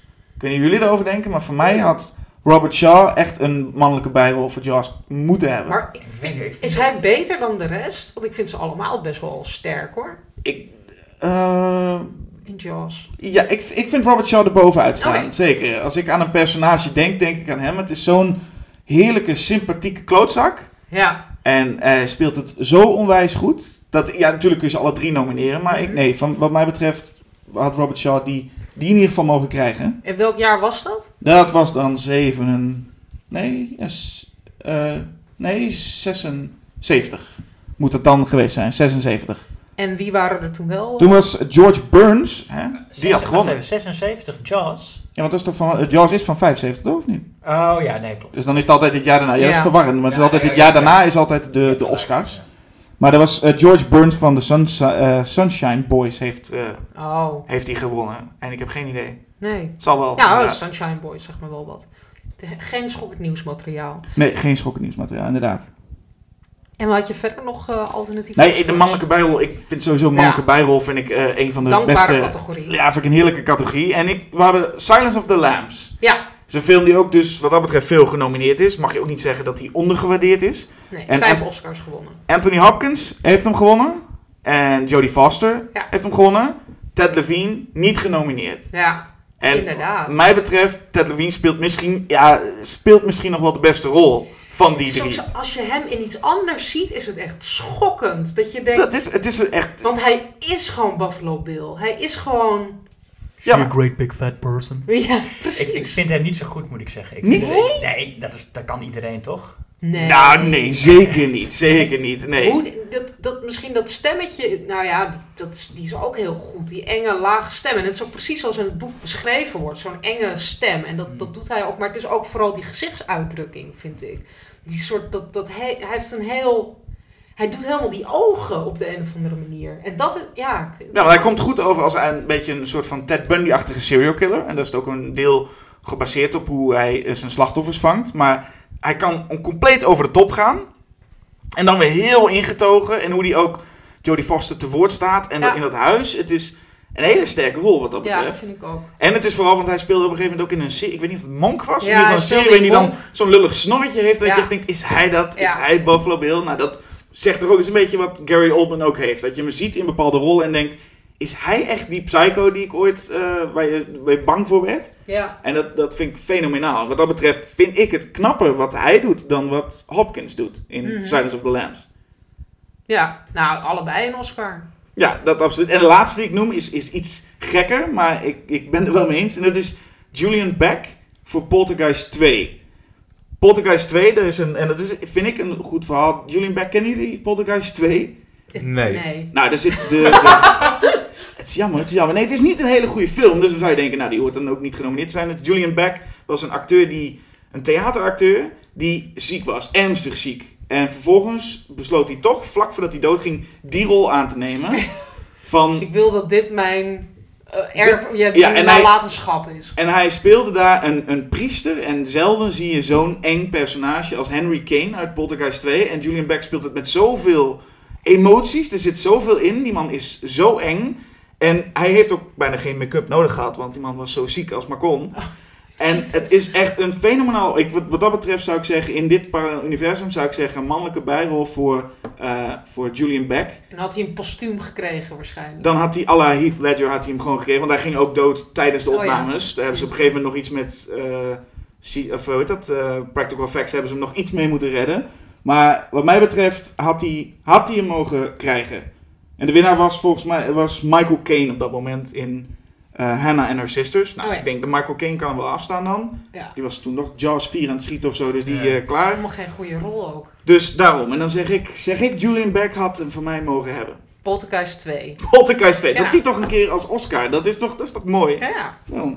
Krijgen sequels wel eens Oscars? Ja, natuurlijk. Godfather 2. Ja, natuurlijk. Oh, ik zag dat Godfather 3 is zelfs genomineerd voor een eh, Oscar. Dus dat is ook Ja. wel bijzonder, toch? Voor beste film. Nee, voor eh, beste regisseur. Oh. Dat, dat je denkt Ja. toen... En dat was, dat was wat ik op mijn lijstje had staan voor Adrian Lin, heet je zegt het Ja. van Jacob's Ladder. Mhm. Die had Ah, wat mij betreft echt wel een, een nominatie voor beste regisseur hadden kunnen krijgen. En dat was het jaar waarin Godfather 3 ook... Waar Francis Ford Coppola ook eh, in de running was. Ik denk, nou, die had er Bas volgens mij wel uitgekund. Ja, maar zo- zo'n Meryl Streepje is dat, denk ik dan. Ik Ja. bedoel, net als dat Streep ook overal voor wordt genomineerd, zoals nu ook weer voor Florence Foster Jenkins. De twintigste Oscar-nominatie. Ja, hou dat is een record. Maar zij is wel heel goed. En die film is helemaal niks aan. Maar zij is wel weer goed in die film, vind ik. Ja, ik heb het idee dat ze echt gewoon elke rol van haar nomineren. Niet, Standaard. niet altijd. Maar Dan is het toch juist niet spannend. Waar we nu mee bezig zijn, is een paar, eh, dat je echt ook Ja. gewoon namen die je nooit anders daar zou Ja. zien. En die wil je een keertje Ja, daar op het podium dat is zien. waar. Ik denk dat Meryl Streep ook denkt van... Weet je, mag ik niet eens overslaan? Mag ik niet eens gewoon lekker, Lekker op de thuis bank, kijken? in mijn- in mijn joggingbroek. Ja, Ja, op een gegeven moment komt ze ze ook niet meer ophalen hoor. Dan komt ze gewoon iemand anders laten ze gaan. Ze Dat is- gaat ook tegenwoordig gekleed. Ze, ze ziet er altijd mooi uit. Maar ze doet niet echt meer de best met een gouden jurk. Weet je? Nee, Nee. Er is gewoon geen zin meer in. Dus geef hem dan net aan zo'n genre Ja. eh, persoon die, die het nooit van zijn leven had verwacht. En Ja. in één keer hoppakee, een Oscar, klaar. Ja, of Heather Donahue Zo- Ja. Voor The Blair Witch Project bijvoorbeeld. Hmm. Is dat eentje die... eh, Nou, Maar nou, die zouden zullen ook veel mensen wel bestempelen als hysterisch. Ze Ja, maar- schreeuwt toch vooral alleen maar die namen van die andere twee hoofdpersonages. ehm, Als je dan nou, zegt dat Ted Levine eh, niet zo'n zo, niet zo'n moeilijke rol is, dan ga ik nu ook even terug hoor. Nee, maar nou, het is vooral... Het, het- kijk, het is een beetje het verhaal achter die film. Je hoort vaak mensen zeggen van... ehm, dat, het allemaal, dat het allemaal echt was. Hè? Dat ze echt bang waren en echt iets... En, en, daar- daarmee doe je volgens mij die acteurs wel tekort. Want ze wisten gewoon dat ze een film aan het maken waren. En ze moesten ook gewoon heel veel improviseren. Ze kregen aanwijzingen op briefjes van de regisseurs... eh, iedere ochtend van wat ze moesten gaan doen. En aan de hand daarvan waren ze zowel aan het, aan het schrijven als aan het acteren als aan het regisseren. En ik vind haar wel echt een heel sterke rol. En ja, het is natuurlijk, dat is, het geldt voor veel rollen in horror, niet heel complex. Je, je kunt niet echt dat personage uitdiepen als acteur. Maar toch wel heel knap. Als je zo, ehm, zo goed paniek kunt spelen en toch ook... En ik weet dat heel veel mensen haar irritant vinden, maar ik, ik, ik had echt tot het einde wel sympathie voor dat personage. Kun je in dat geval voorstellen dat een andere actrice dat, of dat er veel actrices dit niet hadden gekund, wat zij doet? Ja, ik, want ze geeft Ja, het wel personage hele ook wel echt... eh, ja, ze gaat wel fysiek helemaal door het... eh, en ze geeft het personage ook wel echt een, een soort invulling. Het is echt van, hè, zij, zij wil die film afmaken en dat is waar ze zich dan aan vasthoudt als het allemaal misgaat. Weet je, en dat aspect, dat speelt ze ook nog heel sterk. Ja, ik ben het wel met je eens. Ik kan wel voor me zien dat ze inderdaad bij die clipreels die ze dan laten zien, dat inderdaad dat moment dat zij die snot uit de neus, die Ja. close-up, die zou daar zo kunnen eh, vertoond kunnen worden. Ja. Dat, zie, dat zie ik wel voor me, ja. Was dit een van jouw alter- alternatieve Oscars? Ik had er wel. Ja, ik had, er- ik had een paar vrouwen, ja, st- sterke vrouwenhoofdrollen. Ik had ook eh, eh, Catherine Deneuve in eh, Repulsion, Essie Davis in Babadook. Hm. Ja, het zijn vaak vrouwen die dus veel bang moeten spelen. Ja. Maar daar is gewoon te weinig waardering voor. Hoe moeilijk het is om bang te spelen. Ja, maar of is het makkelijk om bang te spelen? Misschien- ik bedoel, het is namelijk een hele, hele soort van... Een, een hele extraverte... Ik weet niet, misschien dat het een gek woord is. Maar het is, je, ziet heel snel met angst spelen is volgens mij heel erg... Ik Nou, ben nu heel erg bang. ah! Nee, nee, je kan ook heel, je, Het- weet je, helemaal verstijven en niet meer durven bewegen. Het is, het, hoeft, het is niet altijd wegrennen voor een moordenaar. Je hebt het nu misschien meer over schrikken en, en, en schreeuwen. Want dat doen veel, eh, maar echt bang zijn, dat is wel echt iets anders. Maar nu noem jij dan twee voorbeelden op eh, die Ja. best wel redelijk... Scream Queenish. Nee, Essie Davis in de Babadook en Catherine Deneuve in Repulsion vind ik ook niet echt Scream Queen-achtig, toch? Nee. Ik vind Babadook op zich wel een... eh, zij is wel erg veel hysterisch om haar zoontje en, en, en, en best wel aan het schreeuwen in die film. Dus dat, dat herinner Ja, ik maar je hebt ook momenten dat, dat, dat, dat, dat je ziet eh, dat het juist heel ingetogen is, die angst. En, en, en dat ze echt vreest voor, voor haar kind. Dat speelt ze ook heel ingetogen. Ja, dat is, nee, ik vind het ook wel een hele goede. Maar niet per se omdat ze zo, Hmm. bang, zo goed bang speelt. Maar meer omdat ik het een hele goede, mooie switch van die rol vond. Nu ga ik weer bijna spoileren. Maar waar, Ja, ook- waar, ook wat dat, er met, ja. dat, met, haar, met haar personage, wat er gebeurt. En ik wil in dat lijstje wel toevoegen nog van jou Deborah Kerr uit The Innocence. Vind ik ook zo'n rol. Hm. Van een, Ja. een vrouw die eigenlijk wel ja, bang speelt, maar tegelijkertijd ook een beetje doordraait. En dan een beetje probeert nog... Real, dat, dat is echt wat dat betreft sterker dan ik schreeuw wat en ik... eh, Nou ja, en, en Catherine Deneuve in eh, Repulsion, nou, ik heb die film eh, eerder genoemd. Ik, zo eng, maar ook zij haalt je heel dichtbij. Ze is knettergek, maar ik, ik voel me heel erg... eh, ehm, ik leef echt met haar mee en ik voel me he- ja, heel erg betrokken bij wat ze doet. Terwijl ze gewoon het zelf doet. En dat is zo sterk gespeeld. Sowieso is zij de hele film te zien. Je ziet alleen maar haar eigenlijk. Ja. Ehm, dus echt een dragende rol. Dus die had absoluut ook een Oscar verdiend. Dat vind ik, ben ik het helemaal met je eens. En wat vind je dan van Anya Taylor-Joy in The Witch? Ik weet dat jij heel erg fan bent van die film, maar vind je, hoe speelt zij dat? Daar- hoe spe- hoe speelt, hoe speelt ze dat? Ja, wat weet je Alsof ervan? ik een soort uh, acteerexpert. Hoe doet ze dat? ja, dat doet ze goed. Ja, maar dat is, dat, dat is Ehm. namelijk een andere vorm. Dat is meer Ja. paranoia dat zij... eh, ja, en het onrecht dat ze ervaart. ja. Dat, ik vind trouwens die hele familie heel goed spelen. Ik vind eh, Ralph Ineson, die eh, de vader speelt. En, en ook die twee kleine kinderen trouwens. En dat ze ook nog allemaal eh, dat eh, 17e eeuwse Engels eh, moeten spreken. Ik vond dat er juist heel erg dat het niet helemaal in evenwicht was. De, de manier waarop ze allemaal acteren. Dat ik vond haar inderdaad heel erg de, de bovenuit steken. Ik vond haar echt heel erg goed. En dan die andere kinderen vond ik, die, die speelden gewoon wat amateuristischer. Dus dat vond ik niet helemaal matchen. Hm. Maar ik had ook, dat kan ook de acteursregie zijn. Maar ik was sowieso niet heel erg fan van die film. Dus. Is, het, is het gek dat zo'n film, juist zeker voor zo'n debuterend regisseur, dan niet, niet eens wordt opgemerkt door de Academy? Nee. Dat is, eh, dat is, nee, dat is niet gek. Nou, het is een horrorfilm. Ja, Dus maar het is toch wel een hele, het, het is wel een hele een bepaalde, bepaalde klassieke stijl die, die niet heel erg snel wordt gezien. Het, wordt, het is heel goed uitgevoerd. Hij heeft zich heel erg trouw gehouden aan die taal. eh, Ja, maar... er zitten hele mooie thema's in die film. Het, het, het zou voor, ik zou het wel als een, een Oscar-film, een Oscar-waardige film, nu gaan we het over. Ja, nee, ik denk dat hij niet in die categorie valt. En niet omdat hij niet goed is of om mijn persoonlijke smaak of zo. Maar ik denk gewoon niet dat dat. In, ja, dat, dat hoort. er- Dat is, die heeft zijn eigen prijs, denk ik dan. Of die zou zijn eigen prijs moeten hebben. Maar ik kan me wel kunnen voorstellen dat die genomineerd zou zijn. Maar dan zou het meer onder de noemer zijn dat eh, de Academy dan zoiets heeft van... Haha, zie ons dus edgy zijn. Dan zou het zo'n film zou het wel kunnen. Dat ze af en toe denken, we moeten even... Volgens mij doen ze dat wat- zelden, zo'n soort Ja. film. Als er nu veel geklaagd wordt, net als dat er veel geklaagd wordt dat er alleen maar witte acteurs zijn of zo. Dan gaan ze vast wel iets doen. Ja, maar dat zijn die, die films, die zeg maar, eh, films met Afro-Amerikanen of met dat soort thema's die nu genomineerd zijn. Die, die wa- het is niet dat ze de- die erbij hebben moeten slepen. Er waren gewoon ook heel veel goede films, zeg maar, in, in dat. In, Ja, maar ik kan me wel voorstellen als we allemaal nu gaan klagen over het feit, wat zijn het allemaal brave films, dat ze dan Nee, voor volgende jaar dus misschien af. nog zeggen, ah, we doen zo'n The Witch erbij, die wint niet, maar we doen hem er even bij, lekker Ja. een beetje, zijn we ook een beetje edgy en dan nee, houden dat die denk mensen ik ook met niet. zeuren. Dan moet hij er wel zijn. Dan moet er ook wel echt een film zijn die daarvoor in aanmerking komt. Ja, Dus ik, was niet, ik was niet stel van verbazing achterovergeslagen als The Witch genomineerd was, eigenlijk. Hmm. Ik ook niet. En bovendien, waarom dan Ik Arrival wel?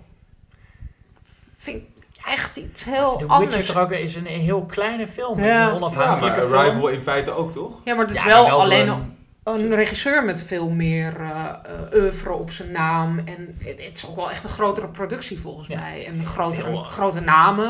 Ja, dat maakt niet zoveel. Ik bedoel, eh, Manchester by the Sea is helemaal geen grote productie. Ja, maar dat- The Witch Ja, maar kost, wel ook eh, een bekende regisseur. eh, die eerder genomineerd is voor een Oscar. Bekende acteurs. Dat is wel... Maar zijn dat toch- mee. voor kost regisseurs een- hebben allemaal... The Witch kost een, een miljoen. Ja. En, is, en ja, er is ook een studio die dat niet naar de Oscars gaat marketen. Nee. Dat, ma dat maakt ook nog uit. Ja. Hoe, je dat, hoe je dat... Ik bedoel, als, als, als je de Weinsteins achter je hebt... dan heb je eerder de kans een Oscar te krijgen dan... eh, Je moet echt lobbyen, anders dan...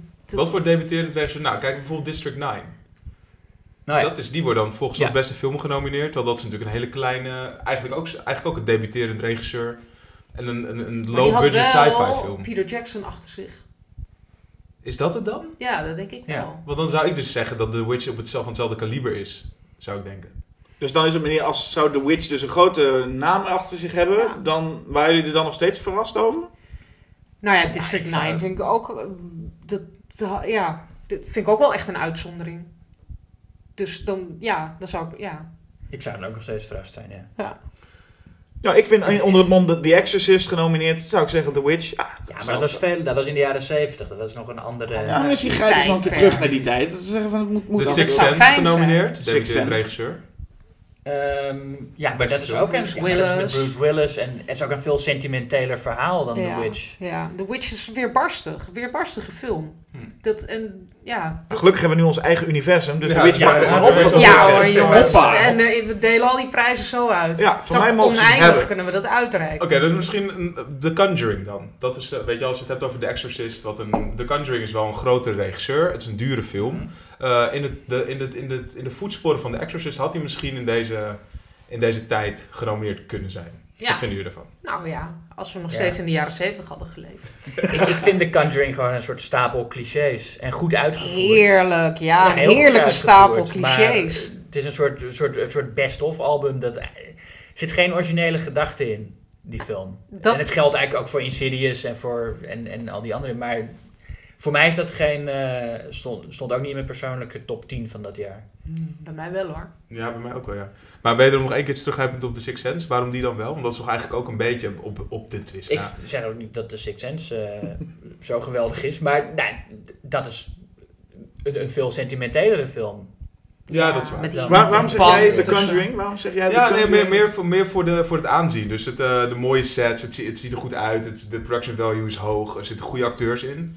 Ehm, James Wan is een naam die, eh, die mensen nu wel... eh, Maar praten we nu over of het mogelijk zou kunnen zijn? Of in ons eigen universum waarin het sowieso mag? Zou jij nee, dan, dat, dat, dat, daar denk ik dat sowieso mag. Maar zou jij hem dan een prijs geven? The Conjuring?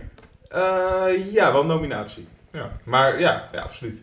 Maar ik, denk, ik was vooral eigenlijk verbaasd dat hij, dat hij zo weinig op, opgevallen is bij de grotere awards destijds. Het voelt als een grote, mooie horrorfilm. Als een Ja klassieke ik, denk, horrorfilm. ja, ik denk dat het daarvoor, wat daarvoor ontbreekt, is een soort persoonlijk verhaal. Of een, eh, een personage dat zich ontwikkelt. Of een Ja. band die ontstaat, zoals dus in The Sixth Sense. En Ja. ik vind dat niet per se belangrijk, maar eh, Academy-stemmers vinden dat wel. En, eh, en uiteindelijk, ja, ik denk om echt een klassieker te worden, moet je wel zoiets hebben. Hij is niet, hij is niet character-driven genoeg. Nee. Hm. Dat is het. Maar Ja. ik vond het een te gekke film en die krijgt van mij ook een Oscar. Dankjewel. Yay, iedereen krijgt een Oscar. Ja. Jullie, heb je er nog een paar? Ehm, ik mag ik even over beste scenario. Yes. Want dat is wel een Tuurlijk. categorie die ik. eh, Die had ik ook op mijn lijstje staan, maar geen nou, Ja, ik, ik, ik had, wil Tim zo ook nog wel horen. Oh, Ja. ja. nou beste scenario, het is heel raar, want de bedoeling is dus dat iedereen die daarop stemt ook echt al die scenario's heeft gelezen. Doen en ze vaak, niet. nee, dat doen ze natuurlijk niet, die gaan gewoon die film kijken. En daarom komt bijvoorbeeld Rain Man winnen.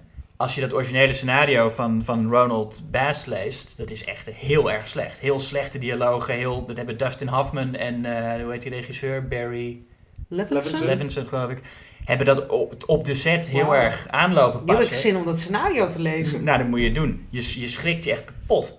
het is echt het is gewoon niet Horror. goed. Maar goed, die film heeft toen wel beste scenario gewonnen. Dus nou, dat is wel... Maar ehm, waar ze dan vaak op stemmen, dat zijn inderdaad scenario's met heel veel dialoog erin. En, en heel erg eh, character-driven. En het zijn ook al die acteurs die daarop stemmen. En ik vind dat er te weinig aandacht is voor ehm, gewoon een heel goed gestructureerd scenario waarin ook heel visueel verteld wordt. Weet je, er is heel veel aandacht voor de literaire kwaliteit van een scenario, maar heel weinig voor de verhalende kwaliteit. En wat bij een film toch vaak belangrijker is. Dus ik had, voor beste scenario had ik graag bijvoorbeeld in 2015 eh, Mad Max Fury Road zien winnen. Die was toen wel voor beste film en beste regie genomineerd. Maar het scenario is ook gewoon heel erg sterk. Het is super strak. Er wordt heel veel visueel verteld. Er wordt, ehm, je ziet ook heel veel kleine dingen, kleine details in hoe personages met elkaar omgaan. Waarin je puur visueel ziet hoe hun eh, relatie tot elkaar verandert. Ehm, ik, ik ga nu een beetje de Ja, maar- diepte in. want- heb je het maar- scenario gelezen van Mad Max Fury Road? Ja, Oké, Wat- Maar dus... is, is zo'n scenario dan... Kijk, veel mensen... Je hebt met scenario natuurlijk alleen maar een soort van eigen voorstelling ervan. Denk je niet dat er bij zo'n film er een storyboard gewoon veel meer de film vormt Oh, dan een scenario? ja bij, bij Mad Max Fury Road is ook grotendeels als storyboard geschreven. Ja. Oké, Maar dat is ook een manier om een scenario te maken als je, als je een actiefilm maakt. tuurlijk, ja. En, en ook zo'n visuele film als, als Mad Max. Ja, er, er gebeurt gewoon zoveel puur in het visueel. Al- Bijvoorbeeld dat al die personages, alles wat eerst een, eh, hun, hun zwakte lijkt, wordt later opeens een kracht. Weet je wel? Dat, dat Mad Max een, een, een bloedzak is. Daarmee redt hij aan het einde eh, Furiosa. Ja. En, en, en, en juist de dingen die hij als eerste als, als symbolen ziet van zijn kracht, daar heeft hij niks aan. Zijn geweer gaat kapot, zijn, zijn, zijn auto gaat kapot. Nou ja, dat soort, ik, ik noem nu even dit, weet je Ja. wel. Maar de- dat, dat soort dingen. En eh, het moment dat hij bijvoorbeeld, dat is een heel... Je hebt, je hebt Nux, weet je wel, die, die warboy die met ze meegaat. Mhm. Die zegt bijna niks tegen Max. Maar toch zie je in, in, dat er heel veel in hun relatie eh, verandert. Puur door hoe ze zich naar elkaar gedragen en door hun handelingen. Op een gegeven moment dan mist, dan heeft Mad Max heeft een eh, laars gestolen van Nax. En dan gaat hij weg en dan komt hij even later terug en dan geeft hij hem een andere laars. En dat moment zie je dat er iets veranderd is tussen die twee. Hm. En dat is zoveel sterker dan dat in dialoog te doen. Ze hoeven Ja. niks tegen elkaar te zeggen, weet je. Het is gewoon dat er, dat er een laars gegeven wordt. Maar je hebt natuurlijk heel veel films waarin dat soort beslissingen worden genomen door bijvoorbeeld regie. Of soms staat er zelfs wel in een script gewoon van, nou, je komt ergens een soort van auto-achtervolging en dat wordt op set gedaan. Zeg je dan eigenlijk dat die niet voor beste scenario zouden moeten gaan? Een scenario moet echt, het eindproduct moet dat scenario zijn? Ik snap niet zo goed wat je bedoelt. Nou, als Je jij nu, je hebt heel veel dingen, wat je nu noemt, misschien niet, dat staat misschien in het script, maar heel veel dingen worden geïmproviseerd Ja, set, ja. Is het dan niet meer voor beste scenario? Beste scenario, zeg je, moet Nee, van het eindproduct ja, dat de scenarist krijgt die prijs. Ja, de scenarist krijgt die prijs. Dus wat geschreven is, moet die, die prijs winnen. Ja, dus eh, wat nu veel gebeurt is als een regisseur er allemaal hele geniale dingen bij bedenkt en allemaal uitvoert, dan Ja. wordt dat eigenlijk geprezen, terwijl het helemaal niet in het scenario staat. Nee, dus die krijgt niet de Oscar daarvoor, maar wel de scenarist die een of ander slap. eh, Ja, zoals bij Rain. Ja. Maar in het geval van Fury Ja. Road is het. Ja, ik noem nou even twee voorbeeldjes van kleine dingen die gebeuren. En dan kun je denken, nou, dat is toch niet zo briljant. Maar die film zit er echt gewoon helemaal vol mee. En weet je, en alle, alle grote emotionele momenten in die film zijn ook eerder al eh foreshadowed. Zonder dat het heel erg opviel. Het is heel erg Chekhov's gun ook, wat dat betreft. Ik denk ook dat vaak die nominaties, eh, de- dus dat films genomineerd worden voor ehm, het beste scenario, waarvan meer het een interessant gegeven is. Zoals dat gevoel heb ik ook bij The Lobster. Ik vond dat Ja. een te gekke film. Maar is nou echt per se het scenario zo goed? Het is gewoon een heel eh, weird gegeven. En dat was ook een paar jaar geleden met Her van Spike Jones. Dat, het, dat je Ja. denkt, ja inderdaad, het is een een interessant gegeven. Maar is het scenario nou zo goed Ja, uitgewerkt? het, is toch niet heel gek. Het, het voelt een beetje als je dan op die manier een scenario gaat beoordelen, alsof je iets wat nog niet af is eigenlijk gaat beoordelen. Nou, scenario je beoordeelt het toch... zichzelf staan als, je, als het er goed is. Maar zou het, zou het een heel mooi eh, ehm, standpunt zijn van de, van de Academy op het moment dat zij een scenario zouden eh, nomineren die in filmvorm helemaal niet zo geslaagd is ge- geweest? Hm. Ja. Dat ze dus al, dus eigenlijk laten ze daarmee weten van dit is gewoon, hier staan we heel erg achter achter dit project, maar het is gewoon niks geworden. Dat zou veel Ja, stoerder ja, zijn dan al die standaard beste films eh, ook nog eens voor scenario. Ja, het zijn ook heel vaak films met heel veel dialoog die voor scenario Ja, genomineerd logisch, want dat is hetgene wat je Dat dan is wat ja, onthoudt aan een film of zo. Maar wat je zegt, show, the, show them, don't tell them, is natuurlijk een heel... Ja. En ik vond bijvoorbeeld in, in 2014 won dan Birdman. Het is echt een waardeloos scenario. Dat zie je ook als je die film kijkt nog. Ik heb het niet gelezen, maar in, die film lijkt het een waardeloos scenario te zijn. Maar met, met- om, omdat er zoveel, denk ik dan, pseudo-filosofische dialogen in zitten Mhm. of zo, wint dat dan. ja, stom. Ja. Tim, wat wilde jij zeggen over Nou, het scenario? Ik had dan bijvoorbeeld een film eh, waarvan dan later heel erg bekend werd dat, dat het scenario heel erg werd geprezen, is bijvoorbeeld Scream. Ja. van mijn favoriete films, maar ik bedoel, het is ook, waarom is zo'n scenario dan niet, waarom valt het dan niet op voor een Academy? Nou ja, Want we hebben het net gehad over Oscar-films, weet je, dat is natuurlijk geen Oscar-film, absoluut niet. Maar, Ja, maar comedies die, die vallen er sowieso altijd buiten. En dat is super jammer, vind ik. Want eh, ja, daar, daar kan je juist, daar, daar schuilt juist zoveel vakmanschap in. Eh komisch acteren is super moeilijk. En eh, eh, gra- grappen schrijven is heel moeilijk. En dat, en dat wordt niet beloond bij de Oscars. Zelden. En de Golden Globes doet dat dan weer wel met een aparte categorie, wat ook een beetje lullig is. Eh, maar goed, dat wordt in ieder geval, komt het dan wel aan de beurt. Ja. Ehm, maar ja, en Scream is, is horror, maar het is ook echt comedie natuurlijk. En misschien is het ook later, want we hebben eigenlijk bij Scream is het ook zo dat je pas een tijd later pas inziet wat het eigenlijk heeft gedaan voor, de hele, voor Ja. het hele genre. Ja. Haal ze op dat moment ook nog niet zozeer door dat het zo'n ding zou zijn. Dus misschien dat je alleen nog gebaseerd op het script ook denkt, ja, geestig. Maar wat het nu gedaan heeft en wat het allemaal veranderd heeft, dat, daar kijken we nu al iets anders naar dan... ja. Ja, het zijn toch wel klassieker, klassiekers. Ja. ja, datzelfde vroeg me eigenlijk af, maar die kwam bij mij overal in terug, dat is Seven. Ik snap niet waarom een filmmaker op die op dat moment niet in zijn carrière is eh, opgevallen door wat hij maakte. Ja, En David Fincher, maar ook Kevin Spacey voor beste mannelijke ja bijrol. Seven is echt een misser. in. Dat vind ik wel echt een snap. Dat, Ja, had- dat was best wel. Oscar-materiaal. Misschien te duister. Nou, Ja. Silence of the Lambs was, heeft Nog ook gewonnen. duisterder, M- ja. eh, Maar Seven is toch maar misschien... Ja, Maar omdat ook wel die emotie daar heel erg in zit met die twee regisseurs, die vriendschap. Nou ja, natuurlijk de, de, de vrouw van, de, van Brad Pitt eh, personage. Ehm, dat, er zit echt wel, nou ja, die emotie in die eh, de leden van de Academy zoeken. Dus wat dat betreft had het echt wel gekund, vind ik inderdaad. Maar natuurlijk wel een, een, een regisseur die nog heel erg eh, net jong, vroeg in zijn carrière zat. Had Ja. alleen de game daarvoor gemaakt en Alien. Ja. En heel veel videoclips. Ja, maar hij stond wel, ik, ja, het was wel zo'n soort van talent. Dus eh, ja, ik, dat had gekund, Ja. maar jij- niet nog gebeurd. andere die je noemen? Ehm, Pam Grier. Jackie Brown. Nee, ja, Oh. Jackie Brown is ervoor genomineerd. Had ze moeten winnen trouwens. Ik weet niet wie er wel gewonnen. Het was iemand, ja, iemand die we nu al vergeten zijn. Ik Ja. heb het ooit geweten. Eh, nee, maar voor Foxy Brown, Oh ja. ja. 1974. Nou ja, want dat is ook een soort rol waar je niet meteen aan denkt. De, de badass actieheldin. Ehm, ik vind dat, dat dat ook wel eens, dat je daar ook wel eens, eh, ja, opnieuw niet een heel complex personage waar een acteur heel erg de tanden in kan zetten, maar in dit geval wel een heel cool personage, weet je wel? Ja, ik heb niks met stoere actieheldinnen. Dat vind ik altijd, dan moet ik me dan van, oeh, kijk, een stoere actieheldin, nu ben je helemaal geëmancipeerd. En dat, Nou, nee, zo voel ik me dan helemaal niet. Ik Nee, zie liever gewoon een mens van vlees en bloed met kwetsbaarheden. En daar kan ik me dan mee identificeren. Dus dan heb je ook met actie helden. Daar, daar, heb ik het, voel ik, daar heb ik het wat minder mee. Ik had Richard Roundtree voor Shaft opgeschreven als, eh, Oh ja. als, als coolste actieheld. Ja.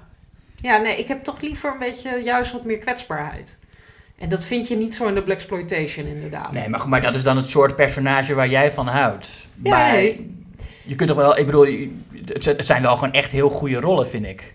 Van Pam Grier en, en Richard Roundtree. En eh, ja, vooral die twee eigenlijk zijn de, voor mij wel de coolste actiehelden. Maar ja, ik heb dan meer, en volgens mij heb jij dat ook, Tim, met eh Uma Thurman in Kill Bill. Ja, die stond bij mij ook op mijn lijstje. Die heeft, die heeft die kwetsbaarheid. En dat is ook een stoere actieheldin. Maar de- die heeft ook, en dat is natuurlijk ook de hoe ze geschreven is. Het is niet alleen de hoe het geacteerd is. Maar ehm, die heeft die kwetsbaarheid. En ik, ja, ik, Ja, die is Eh, complexer ook. Ja. de Kill Bill eh, films zijn helemaal niet zo eh, eh, hoog gewaardeerd volgens mij. Maar ik, ben er nog steeds, ik vind het nog steeds geweldige films. Ik ook, absoluut. De beste Tarantino's, wat mij betreft. Ja.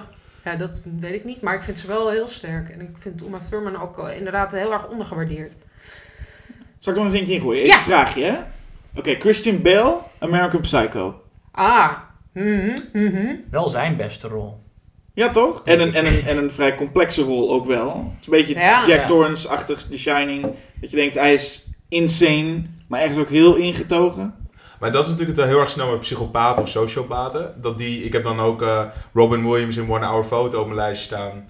Eh, maar ook Jake Gyllenhaal in Nightcrawler. Eh, dat zijn natuurlijk ook al rollen. Is, is het niet heel makkelijk voor een man om het te spelen en voor andere mensen om het te waarderen? Ik denk dat laatste wel, maar ik weet niet of het eerste of het heel makkelijk is. Je ziet ook wel heel snel aan een acteur als hij, oh nu, gaat, nu doet hij een maniertje of nu is Ja. hij, dat je hem niet pikt. Ik pik heel vaak een psychopaat niet. En bij American Psycho Ja. eh, wel echt. Heb ik wel echt het gevoel van, deze man is, is er. En ik, Hij is ook echt eng. Maar komt dat het is ook omdat moeilijk hij, hij neemt je natuurlijk wel mee in zijn hoofd. Dus je hebt hoort ook voice-over. Dat, is dat, helpt dat er niet allemaal Ja, wat maar meer aan de bij andere dan... kant houdt hij je ook heel erg op afstand. Want hij is zo gek en het is zo'n soort van...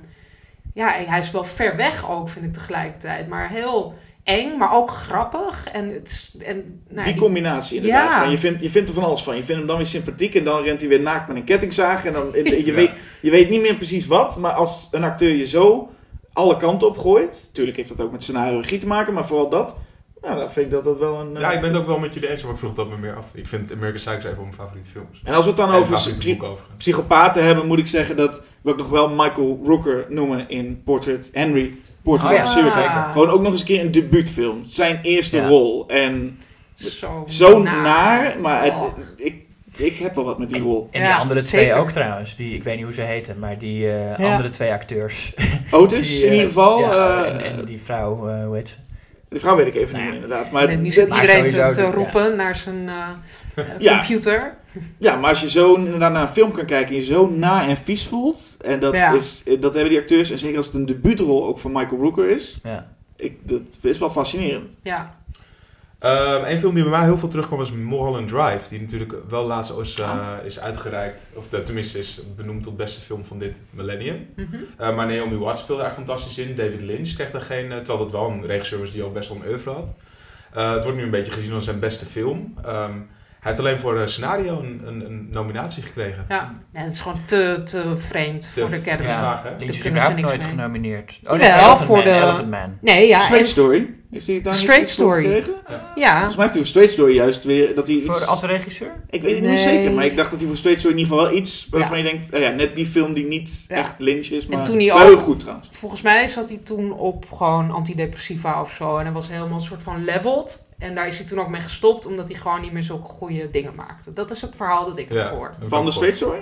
Ja, Ah ja, ja, ik vind het nog steeds een fantastische film overigens. Maar, nooit gezien. ah, het is echt fantastisch. Maar eh, ik snap wel, ja, Lynch heeft het nooit, maar Lynch had zeker wel een, een, een ergens een prijs voor, moeten- niet voor zijn latere werk trouwens, maar Mulholland Drive had hij zeker een prijs voor moeten hebben. Ja, Dat is zijn latere werk, toch? Dat is... Nee, ik dacht meer aan Inland Empire. Ja, en die, dat, dat, dat is eigenlijk de enige film die hij daarna is dat de enige film nog? Ja. Ik dacht dat er nog Ja. iets tussen zat. Oh ja, Rabbits, maar dat is een beetje een soort van raar experiment. Ja, maar korte films heeft hij nog gedaan. Maar Hij heeft dan inderdaad dat soort. eh, maar, ehm, maar Blue Velvet, heeft hij ook niet iets met... Nee, nee, Nee, was- nee, nee. Dennis Hopper had daar wel voor genomineerd moeten Oh dat- worden. Ja, Is het niet? Nee, Oh, ik dacht dat Dennis Hopper daar sowieso... want- grote Nee. snap ook. dan mag hij ook erop. ja. Ja. Dennis Hopper, sowieso. Zeker een van de beste bad guys eh, aller tijden.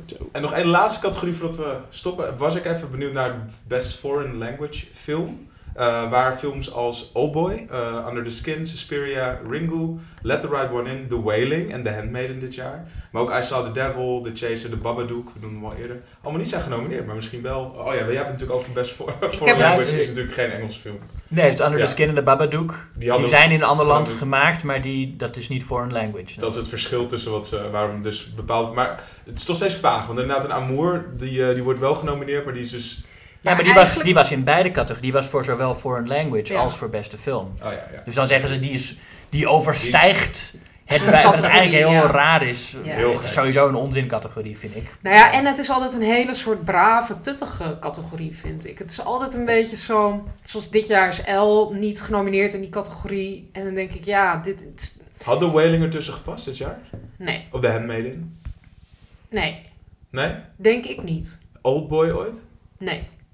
Nee, het zijn altijd hele suffige, Let the Right brave One In? Die is films. Want dan is het al een andere taal. Dus dan, dan moet het in ieder geval een soort van verder een beetje makkelijk zijn. Ja. Dus heb ik het gevoel. Maar ehm, Ik vind Let the Right One In had moet zeker. Had genomineerd Ja, toch? dat echt. wel. Ja, Er zeker. zit ook een emotie in en het is een hele mooie, een mooie film. Ja. Het gaat over het beste. Ja, die had... Dat, die had Oh. De Carrie Slee film. Een Carrie Slee film. Nou. Met, met, met vampiers. Maakt ze Dat is geen Carrie. Slee films hier in Nederland. Dat is toch nee, dat mooi? is geen spoiler. Ja. Ik moet, er moet, nog één, moet wel één ding nog noemen hoor. Want ik heb vorige keer podcast de hele tijd over The Thing gehad. Ja. En The Thing is niet genomineerd voor niks. Maar zelfs dus niet voor visual effects. Ja, dat is En dat kan toch totale niet? snap. Dat slaat toch helemaal nergens op? Nee. Ja. Dat E.T. heeft gewonnen, kun je van zeggen wat je wil. Is volgens mij ook niet heel erg dat E.T. gewonnen heeft. En, en Blade Runner en Poltergeist waren ook genomineerd. Het is allemaal prima. Maar The Thing Ja, had, had die moeten hebben. En John Carpenter, is hij überhaupt ooit eens genomineerd? Nee. nee. Niet eens voor Halloween ook bijvoorbeeld? Wat Nee. eens zijn, ja. nee, goed. Zeker niet voor Halloween, denk ik. Nee. Ik Maar- vind trouwens wel eh, Razzie voor slechtste score. Ja, klopt Ja. inderdaad. Van, eh, Ja. Net de score die John Carpenter zelf niet deed. nee, Morricone. Waarvan iedereen Oh. volgens mij nog steeds denkt dat John Carpenter hem wel deed, omdat hij er heel erg op lijkt. Maar ja, Zullen we nog even een rondje doen van dit jaar? Wat Trouwens, jullie vonden oh, dat... eh, sorry. ja trouwens. ik, ik, be- ik bedacht me net, Morricone heeft die score voor The Thing, daar had hij toen een, een, een Razzie voor. Eh, vorig jaar had hij een Oscar voor The Hateful Eight, Mhm. waar wat delen van dezelfde score zijn. Die die niet- Ja. nou, maar Een Razzie en een Oscar voor hetzelfde werk eigenlijk. Wauw. Wauw. Goed gedaan.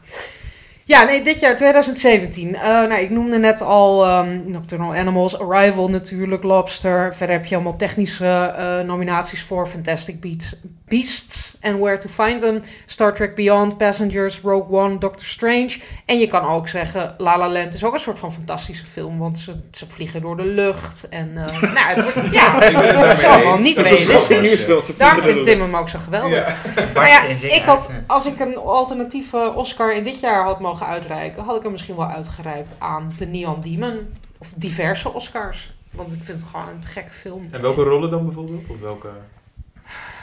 Ja, dat, eh, dat weet ik dan weer niet. Jenna Malone. Ja, misschien wel, Nou, ja. oké. Nou, Gezetteld. Eh, jij? En de rest? Ik, ik, ik ga twee aan de mannelijke bijrollen dan Nou, toevoegen. ik weet er al eentje, denk ik. John Goodman Tuurlijk. Oh ja. en Patrick Stewart. Green Room. Ja. gooi Heel ik goed. op eh, de mannelijke En bijrol. John Goodman in Ten Cloverfield Lane. En John Goodman in Ten Cloverfield Lane. Die Zeker. twee bijrol, mannelijke bijrollen mogen er meteen op. Ja. Julius. Ik wil eh, voor beste regisseur dit jaar eh Na Hong Yin voor The Wailing. En voor beste mannelijke hoofdrol eh Kwak Do Won voor diezelfde film. Nou, ook terecht. Ja, Tim? toch? Eh, ik eh, zou zeggen nog steeds eh, Anya Taylor-Joy voor The Witch. Maar ook eh, vind ik het gek dat, eh, ik weet niet precies welke categorie, maar Don't- dat Don't Breathe niet eens één nominatie ergens in eh, bijvoorbeeld beste mannelijke bijrol had. Voor Steven Lang. Voor Steven Lane, ja. Ja, dat, dat, dat, dat ook gemogen. Erg, eh, erg goede rol. Ook echt eh, een goede emotie. Nou, Voor- ja, je goeie hebt het nog niet gezien, hè? Maar Nee. ook een technisch... Pasje. Nee. Don't Breathe had ook wel een technische mogen winnen, toch? Bedoel, wat ze daar ja. gedaan hebben, in dat, met die, dat het ineens donker wordt, hoe ze dat aangepakt hebben. Ja, Had wel één. heel vet. Gewoon, dan doe iets van sound eh, design of zo. Gooi Ja, er gewoon eentje. mixing. Gewoon sound mixing. Hoppakee. Alsjeblieft, heb je Ja. niet meer zeuren. Ja. Ehm, we blijven nog een beetje in de Oscarsfeer met de column van Erik van het Holt.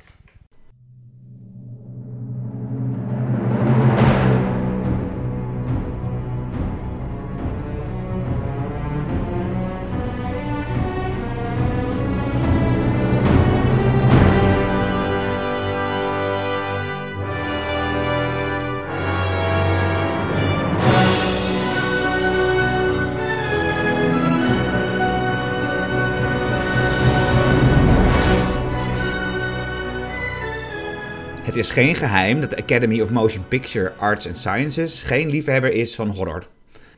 Dat wordt nog eens pijnlijk duidelijk als je kijkt naar het aantal nominaties en Oscars voor horrorfilms in de categorieën voor muziek. Ik heb de lijst een paar keer grondig doorgenomen, maar als ik de definitie voor horror tot het breekpunt oprek, kom ik niet verder dan 13 nominaties voor de hele soundtrack en 4 nominaties voor een liedje. Slechts twee genomineerden wonnen daadwerkelijk ook een Oscar. Dat lijkt misschien best aardig, maar de Oscars voor beste muziek bestaan al sinds 1935. En voor bijvoorbeeld de soundtracks voor science fiction films werden twee keer zoveel nominaties en Oscars uitgereikt. De eerste keer dat muziek voor een horrorfilm werd genomineerd was in 1942.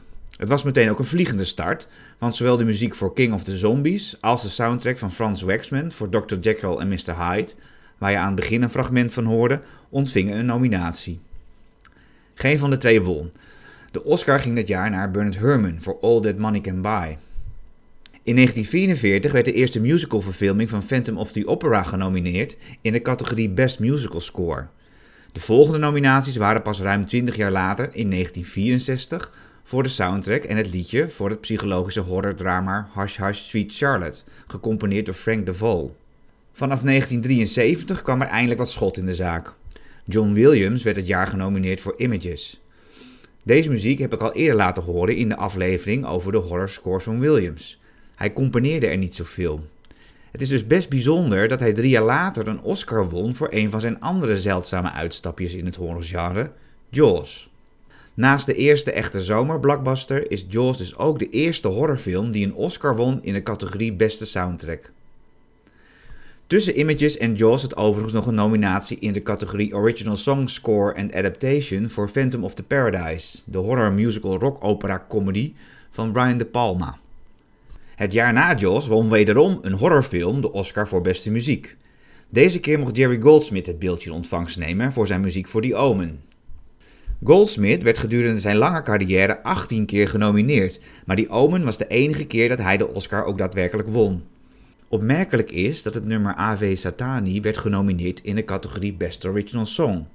Het is een prachtige track, maar hoort naar mijn idee niet echt thuis in de categorie voor het beste liedje, waarvoor dat jaar Barbara Streisand en Paul Williams een Oscar kregen voor het nummer Evergreen uit The Star is Born. Het lijkt haast wel alsof de Academy met de Oscar en de nominaties voor de Omen iets goed probeerde te maken.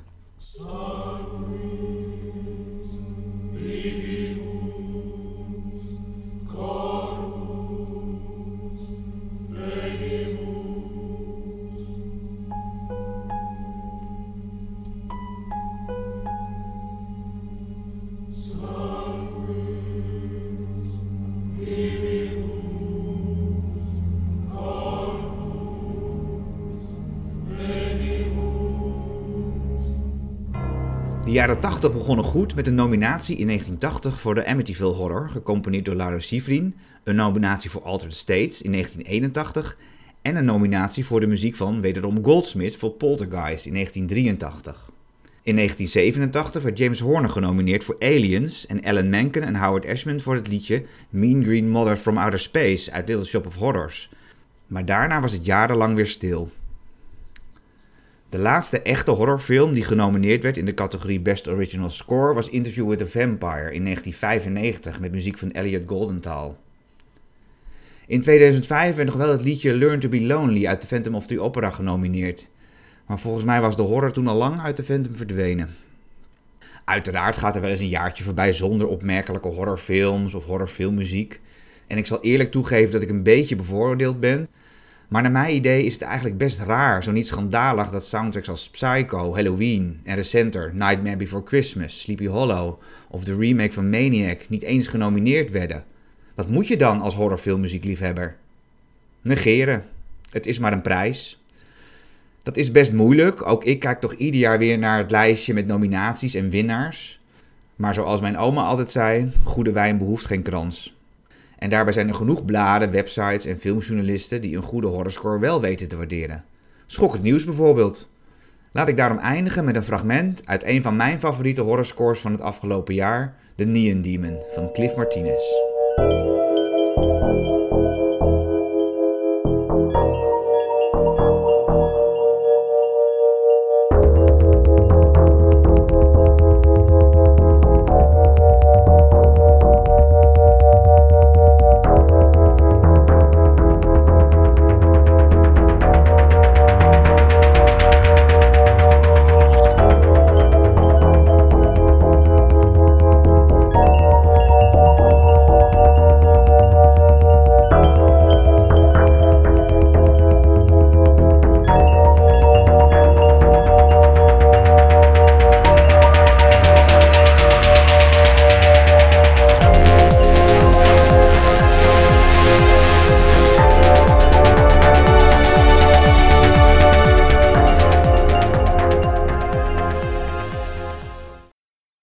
Luisterde naar de column van Erik van het Holt. Dankjewel, Erik. En nu gaan we vooruitblikken. Ehm, ik heb een beetje moeite met de naam van deze regisseur. Jordan Vogt Roberts. Of zeg je Voigt? Of... Nee, Fuck. Vag. Fuck. Vag. You're Fuck, fucked. Robert. Nou ja, hoe dan ook, hij heeft een film gemaakt, Kong Skull Island. En hiervoor heeft hij één indie avonturenfilmpje gemaakt. Kings of Summer heet hij, volgens mij. Ja, klopt. En nu mocht hij deze enorme grote productie aanpakken. En wat denken we ervan? Het is de sequel van, eh, op eh, King Kong van Mhm. Peter Jackson. En eh, volgens mij waarschijnlijk het... het Nee, Oh, Ja, toch? Nu al nee het, is oneenigheid. geen, het is geen oneenigheid. sequel op King Kong van Peter Jackson. Ja, toch? Daar zijn ze toch op verder gaan. eh. Het speelt zich af in de jaren 70. Oh? Die toch Ik dacht Ja, dat het die... is heel, het is, nee, het is heel iets anders. Dit, nee, want dat is nou Oh. juist... Kijk, Peter Jackson had een... eh, het heeft sowieso niks met die film te maken. Maar de, de, de verandering waar ik het meest naar uitkijk... is Peter Jackson had van King Kong een soort echte gorilla gemaakt. Weet je wel? Met Andy Serkis die met, met de echte zilverrug gorilla's ging bestuderen hoe hij dat moest spelen. En hier maken ze het weer echt een monster. Dat op twee benen loopt en veel menselijker is eigenlijk. Maar, maar wacht even, want in de lijn van... Ik heb dus alleen ooit eh, die van Peter Jackson gezien, nooit een andere King Kong. Maar in de lijn van de tijdlijn van King Kong, waar, waar speelt dit zich dan af? Dus dit na is gewoon de- een reboot. Dit is, dit, is, dit is een reboot en dit maakt deel uit van het monsterversum van Legendary. Niet. Waar- Noemen ze dit zo? Het Monsterverse Ja, deze het. gaat straks Oh. tegen Godzilla eh Ja, vechten, dus hè? die Godzilla-film van eh, Gareth Edwards. Dit is daar, dit is daar een, een, een, een zusterfilm van. Maar dat is dan wel Ja. verwarrend, want ze hebben een hele tijd dat Peter Jackson ook iets te maken zou gaan hebben met eh Kong Skull Island. Er waren gingen in Nee, ieder geval heel veel geluiden dat er echt een deel 2 zou komen van die King Kong. Dat ging in ieder geval na... Nou, Maar kan het niet zijn dat King Kong uit King Kong van Peter Jackson terug is gegaan naar het eiland en dat het nu ineens Kong Nee. Skull Island is? nee. want hij is ten eerste dood. En ten Hey, tweede is spoiler. het- Sorry. en ten tweede is... Nee, dat kan niet. En hij is ook veel groter, toch? En, ja, en, hij is, en, en, en, en Peter Jackson's versie was in de jaren 30 en deze is in de jaren 70. Oké, daar gaan veel mensen nog verwaard vinden. Ik dacht inderdaad ook Maar- dat hij echt iets met King Kong van Peter Jackson te maken zou Het is wel grappig, want eh, in de trailer, het- ik vond het ook al heel erg, eh, niet, niet per se de kleding of zo, maar gewoon de, de, de beelden hebben echt zo'n 70s sfeertje, waar ik dan wel eh, lekker op ga, zoals Tim dat zou zeggen.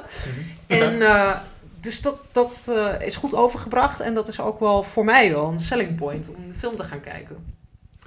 Ja, we gingen net een hele rare Japanse trailer kijken van King Kong. Die heet Kingo Kongo. Ja, En dat was best wel leuk om te zien inderdaad ja. hoe... eh, ja, dat moet je even... Want eh, ik, zag daar, ik zag altijd weer die actrice die ik nooit herken. Dat is Brie Larson. Brie Larson? Ja. Die, eh, Brie. met de meest onopvallende gezicht Nee. van Hollywood. Ja, vind ik wel. Nee. Ja, ik herken haar. De vorige, keer, vorige podcast hadden we het ook over haar. Ja. ineens. Toen, ik weet niet meer in welke film ze toen zat. Toen zei die ook, joh, dat was Brie Larson. Ik zou geen Nee, idee. nee, we keken Scott Pilgrim. Helemaal niks met de Oh. podcast te maken. En toen zei je, wie is die actrice? En toen zeiden Julius en ik, dat is Brie Larson. Oh, dat klopt. Dat heeft niks met de podcast. Oh, ik vind haar een heel herkenbaar gezichtje hebben. Het is sowieso een, een sterrencast. Samuel L. Jackson, John Goodman, John C. Reilly, eh Brie Larson dus. Tom Wilkinson. Ja. Wie speelt de aap? Eh, iemand die het ook in Rise of the Planet of the Apes heeft gedaan. Oh. Niet Andy. Serkis. Nee, niet het is, maar niet het is een vriendje van, geloof ik. Maar Volgens mij heeft hij ook in, een in vriend, ja. Tintin gezeten. Ja, Alles waar precies. Andy Serkis mee Hij gedaan heeft heeft, heeft hij een soort van stunt motion Hij is ook beweging. een, een, een motion capture eh, grappie. En, Als, eh, als Andy Serkis echt zegt, ik doe het niet, dan mag hij het doen. Want volgens mij had Andy Serkis namelijk alleen recht op, ik speel alleen maar alle apen en Ja. motion capture Oh, ja. dingen. Maar Alle apenscripts gingen eerst ik dacht dat altijd. Andy Serkis heeft volgens mij het gewoon het alleenrecht om in die bolletjes pakken te lopen. Maar hij mag er af en toe dus aan iemand anders Maar dan wel dus eentje met zijn goedkeuring. Ja, denk het wel. Oké, oké. Ehm, nu, komt, nu was eigenlijk, eh, laten we dan maar even niet meer hebben over King Kong van Peter Jackson, als dat toch verder niks mee te maken heeft. Maar eh, Godzilla eh, van Gareth Edwards was best een goede film. Ja, ik dus- Nee. Nou, Nou ja, ik vond hem best wel Gaan goed. Kom op je, zeg. je, je vond ook King Nou, Kong al niet goed? die, dat, Nee, dat is geen goede film. Maar ja. de, de drama in Godzilla vond ik echt een soort van even wegkijken, oren dicht. Maar de actie en hoe het eruit zag en het monster, dat vond ik allemaal wel heel goed Die- werken. Die 14 minuten waren best wel goed. ja, Maar de rest... ja. Nou, ja. Nee, het was, Ja, niet veer- was- het was wel meer dan 14 minuten. Nou, Ik denk Nou, dat dat het was meer wel in dat een, eh, getel dat, dat hij iets van 13 of 14 minuten En ik was, Ja, ja. ik, was, ik was heel erg blij met Godzilla, met toen Brian Cranston er was.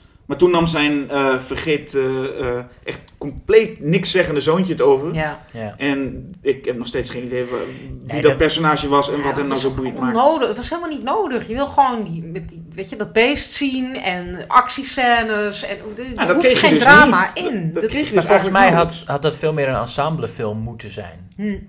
Die eh, Godzilla. En dat, daar lijkt op dat King Kong, of dat Kong Skull Island dat wel gaat worden. Precies, gooi een blik met echt- leuke acteurs ja. en gooi die gewoon tegenover zo'n hagedis. En niet één mannetje eh, eh, die ook echt zo oninteressant is als de pest. Ja. En die tegenover... eh, Maar doe Maar- gewoon een beetje Jurassic Park, waarin het niet... Dat is, Maar Ja, dat goed, lijkt nou, doe gewoon Ja, Jurassic Park. Doe gewoon Jurassic Park. Precies. goed punt. Ja. Is het, is het niet zo dat, dat dit genre, ehm, kijk ook even naar films als Cloverfield of naar Pacific Rim, dat het een beetje een lastig... ehm, het is, eh, je kan er niet zo heel veel mee. Het, zijn, het is iets heel groots en er zijn allemaal mensen die er tegen moeten vechten. En dat is eigenlijk een beetje het verhaal. Dan heb je nog een kleine variaties en kleine nuances in het verhaal. Nou ja, maar- bij, bij, bij de eerste King Kong had je natuurlijk het, het soort romantiek. En dat is trouwens ook in de latere versies wel eh, gebleven. Dat, dat Zeker. die aap verliefd Peter is. Jackson deed het ook. Ja, en dat, en dat had toen ook nog wel te maken met eh et- etniciteit of met, met racisme in de eerste twee eh, versies. Met name in de eerste versie. Hè, van de, de angst voor de zwarte man die de witte vrouwen komt stelen in Amerika. Mhm. Peter Jackson heeft dat een beetje weg proberen te poetsen, denk ik. En, en door van Kong ook meer een echte aap te maken in plaats van een soort mensaap. Waardoor het volgens mij een minder interessant verhaal wordt. Ik weet niet of jullie daar Iedereen zit een beetje zo... Ja. Weet niet. Maar, zit, Nou maar, maar is, dat, is dat nog van deze tijd? Om hier dus in zo'n film als dit... Want misschien dat hier ook wel... Ik bedoel, Brie Larson die zit erin. Dus misschien dat er wel wat romantiek opbloeit tussen maar haar... Brie en- Larson zit nooit erin voor de romantiek. Dat, Wat, wat dat is dan soort- haar rol? Nee, niet... Oh nee, sorry. Dit klinkt echt heel actieheldin. seksistisch. Vrouwen zitten alleen in dit soort films om... Nee. Nee, ik snap het punt. Omdat ik heel stellig zeg dat, dat zij niks romantisch doet. Maar, Nou, zij wordt sowieso waarschijnlijk wel door die aap gekaapt. Dat moet toch haast Oh, wel? Dat is Nou, dat, weet ik niet. Oh, dat dat lijkt is me leuk. wel. Daar Dat kunnen, we, lijkt daar me kunnen we wel. op wedden. Daar Ik kunnen we wel aan. op in gaan zetten. Er moet denk ik wel, dat zal echt wel gebeuren. Ze gaan wel linkjes leggen met. Dus er zal vast wel iets van zo'n iconisch moment dat die. Ja, ik denk niet aan dat het John Goodman is die dan meegenomen wordt ergens naar boven.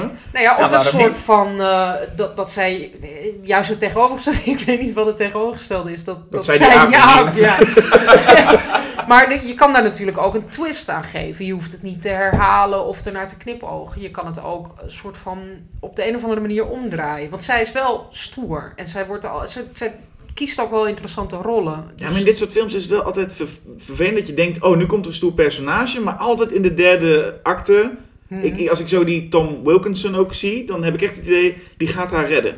Dat We zeggen moet. steeds Wilkinson, Ja, maar het is Hiddleston Hiddleston. Oh. je. Ik zie ook de hele tijd Tom Wilkinson voor me. En ik, Oh, ben- ja, ik nee, bedoel, Hiddleston. Hiddleston, Die eh, Loki, ja, die, inderdaad. Ik dacht ook wel net, we hebben die gekeken. Ik heb helemaal geen Tom Wilson gezien, maar ik dacht, laat maar. Ik zeg het wel niet. Heel, heel... Wilkinson, nou. Nu wordt het verwarrend. Oké. Maar goed, die gaat, eh, die gaat haar redden. Heb Ja. ik echt sterk het gevoel. Ja, Ja. dat zou wel kunnen. Tom Wilkinson niet, maar Hiddleston Ja, die, die wel. Misschien duikt hij nog op, dat weet je niet. Maar... Nou, we kunnen wedden. Of dat Ja, dat is. vind ik echt een goed plan. Dat, eh, Eh, tientje dat eh Brie Larson helemaal niks romantisch doet. Niet met de aap iets Nee, romantisch zet dan ook doet. meteen in op dat zij eh, eh, Tom Hiddleston gaat redden. Dan, ben je echt, dan is het echt een andere kant. Hmm. Nou, daar gaan we nog even de details over bespreken en Komt volgende keer bekendmaken. Ja. Ehm, ik heb wel zin in deze film. Het zag er echt best wel goed uit. Veel actie. Ehm, nou ja, ik we ook. hadden dus een leuke trailer met heel veel Japans, maar dat zal wel niet in de film zitten. Ehm, Ik ook. Ik, heb, eh, ik vond dus ook, ik vond Peter Jackson's King Kong ook eh, leuk. En ook Godzilla. Dus ik, ik zie Ja. niet waar het nog mis kan gaan. Ja, ik Jasper vond ook heel veel plezier. Want die vond die films Ik- allebei eh, vreselijk. Nou, dat viel mee. Dat viel wel mee. Maar ik, ik hoop gewoon, en wat ik hier ook zag, je ziet af en toe dat ze op zo'n eiland, en dat zit ook in eh, de oorspronkelijke King Kong, dat op dat eiland ook natuurlijk dinosaurussen en zo leven. Ja. Peter Jackson ging all out en heeft gewoon volgens mij een half uur besteed aan rennende. al die eh, en, en T-Rexen en, en eh, zo'n hele stampede van eh Dit, dat vond ik de leukste scène. Brontosaurussen. Echt? Ja. Ik zag toch vooral acteurs die voor een greenscreen aan het rennen waren. Dat was echt zo Ja, het is nu fout. heel erg gedateerd. Ja, toen ook al, toen ook al. Werden meteen Ik gedateerd. ging erin mee. Terwijl Ik er in, het, in, het, in, de, in de originele film zijn het stop-motion effecten van eh, Willis O'Brien. En die staan nog steeds overeind. Ik bedoel, Ja. het is niet realistisch, maar het staat nog wel. En ook Rick is- Baker in dat pak in, in, eh, in, de, in de remake. die vind ik ook nog ergens wel overeind staan. Oké. ja. Het is niet heel... Maar, dat maar die dan, CGI dateert sneller dan stop-motion en pakken ja, terwijl geval. Kong niet per se, die van eh, de, de aap vind ik nog steeds wel goed eruit zien. Maar het is vooral dat. En, en Peter Jackson is ook al bekend om all out te gaan. En meer en meer en nog meer. En dat ging in... Dus ik hoop hier dat ze niet te veel focus leggen op allemaal andere beesten op dat eiland. Maar vooral gewoon toch te houden bij... Er zijn wel meerdere beesten, maar we hebben vooral Kong. En die Ja. moeten ze goed neerzetten. En ik vraag me af wat ze ervan gaan maken. Of ze er een good guy of bad guy van gaan maken. Want hij moet het natuurlijk straks... Het is natuurlijk maar een opzet voor Kong versus Godzilla. Ja. Of ze, het, eh, of ze er een good guy van gaan maken of een bad guy. Want volgens mij is Godzilla een good guy geworden, toch? Ja, Godzilla was oorspronkelijk... In, in de originele was hij echt een bad guy. Maar in de laatste film, nou ja, was hij wel in ieder geval de... de hoe heet het? De Hij is least, de redder in nood, toch? Hij gaat toch onder vioolmuziek, gaat hij zo onder water en iedereen zwaait. Terwijl er een soort Ja. tsunami op ze afkomt, maar ze zwaaien. Hij heeft wel die stad in puin gelegd, maar hij was Maar wel ze- de, de better of two evils. Ja, precies. En dat is dus nu de vraag of ze... Want ze gaan dus met elkaar vechten. Wat ik me afvraag, wordt Godzilla werd niet gespeeld door een eh, motion capture persoon, toch? Nee. Dus dan vraag ik me heel sterk af hoe die man, die acteur van Kong, dat dan gaat doen. Dat lijkt me heel moeilijk. Dat lijkt me een bijzonder Misschien een, tafereel. misschien een poes met van die balletjes en zo'n pak aan. Dat, dat, die man dan tegen die poes moet vechten. Nou, studio kunnen we dan. ook wel een foto op inzetten. Dat wil ik ook wel Ehm, welke, nog even nog één kort vraag aan Jasper. Welke andere monster zit in dat ehm, Monster Universe? Monsterverse. Monsterverse. Is er ook andere monsters? Was- Ja, is, of is het alleen die twee? Ik dacht dat het alleen maar Kong en, eh, en Godzilla waren, toch? Ik weet niet, ik, ik, ik begon over het Monsterverse. Oh, ja, ik sorry. zeggen. Oh, sorry, jullie is hi. We Ik krijgen binnenkort ook die, die schild, dat schildpadmonster. Hoe heet die ook alweer? We- de, de, weet ik niet. Je hebt zo'n Volgens Japans mij was, schildpad. eh, Ja, ja, nee, in, in Japan, de eerste eh, zat een soort Mothra. In, Oh in ja, Godzilla. Ja, ja, ja, ja, ja. natuurlijk ook. Enge mot. Ja, en dan heb je eh, Kong. En, we- en ik zag in die trailer van, van Kong ook wel een aantal andere beesten die ik niet meteen kon thuisbrengen. Maar volgens mij is het voorlopig, gaat het vooral om Godzilla en Kong. Want dit is wel iets anders dan de Universal Monsters. Want ik dacht altijd dat King Kong daar ook een deel van. Nee, King Kong is niet van Universal. Universal King is Dracula, Dracula. Frankenstein. Ja, dat dacht ik. Ik dacht Lijkt dat was de volgende. Nou, er was wel ooit een plan voor een crossover, want eh, Willis O'Brien wilde eh, King Kong versus Frankenstein doen. Met een gigantische versie van Frankensteins monster in de jaren 60. Dus de, de man die de effecten deed van de originele King Kong, had in de jaren 60 nog dat plan. En dat is toen uiteindelijk niet doorgegaan, maar wel dat, Dat, script. dat blijkt. Dat- dus maar dat script hebben ze nog wel veranderd in eh, King Kong vs. Godzilla. De eerste. Hm. Oh, Dus die uit 1962 of zo. Dat klinkt ook logisch. Hoe komt in hemelsnaam die scientist aan een zo'n grote versie van Frankenstein? Dat, eh, dat zal Willis O'Brien wel bedacht hebben. Ja, die had er wel ideetjes Leuk. over. Oké. Ehm, Kong Skull Island is te zien vanaf 9 maart. Nou, en eh, waar is Schok het Nieuws nu eigenlijk te vinden? Vraag ik me elke keer weer af. Op schokhetnieuws.nl natuurlijk, maar ook op Twitter, Instagram, Facebook en ook in je brievenbus eh, eens in de twee maanden in de vorm van het Schok het Nieuws magazine. En het februari-maart nummer van Schok het Nieuws magazine haakt in op ons jubileum. Schok het Nieuws bestaat namelijk 25 jaar. Verder is er in het blad aandacht voor eh, onder andere The Handmaiden, Dario Argento en Train to Busan. En er is een nieuwe video Basta. Wil je ons laten weten wat je van de podcast vindt? Mail dan naar podcast.schokkendnieuws.nl of eh, vind je weg op de social media. Ja, en over dat jubileum gesproken, zet 1 april dik in je agenda, want dan vindt ons grote jubileumfeest plaats in Criterion te Amsterdam.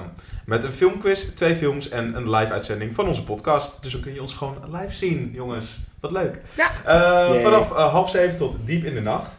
Nou, waar gaan jullie allemaal de Oscars kijken? Iedereen thuis of gaan jullie het helemaal niet Ja, ik ga thuis kijken wel. thuis? Ik zie het de volgende dag op teletext. Ja, ik, ik ook. Maar het- niet teletext, want het is geen 1992, maar gewoon op internet. Ik ben een hipster. Zo, nou, go La La Land, dat waren mijn laatste woorden. Oh, dat is gemeen. en eh, iedereen een eh, fijn, eh, fijn Oscarfeest toegewenst. Tot de volgende keer. Houdoe!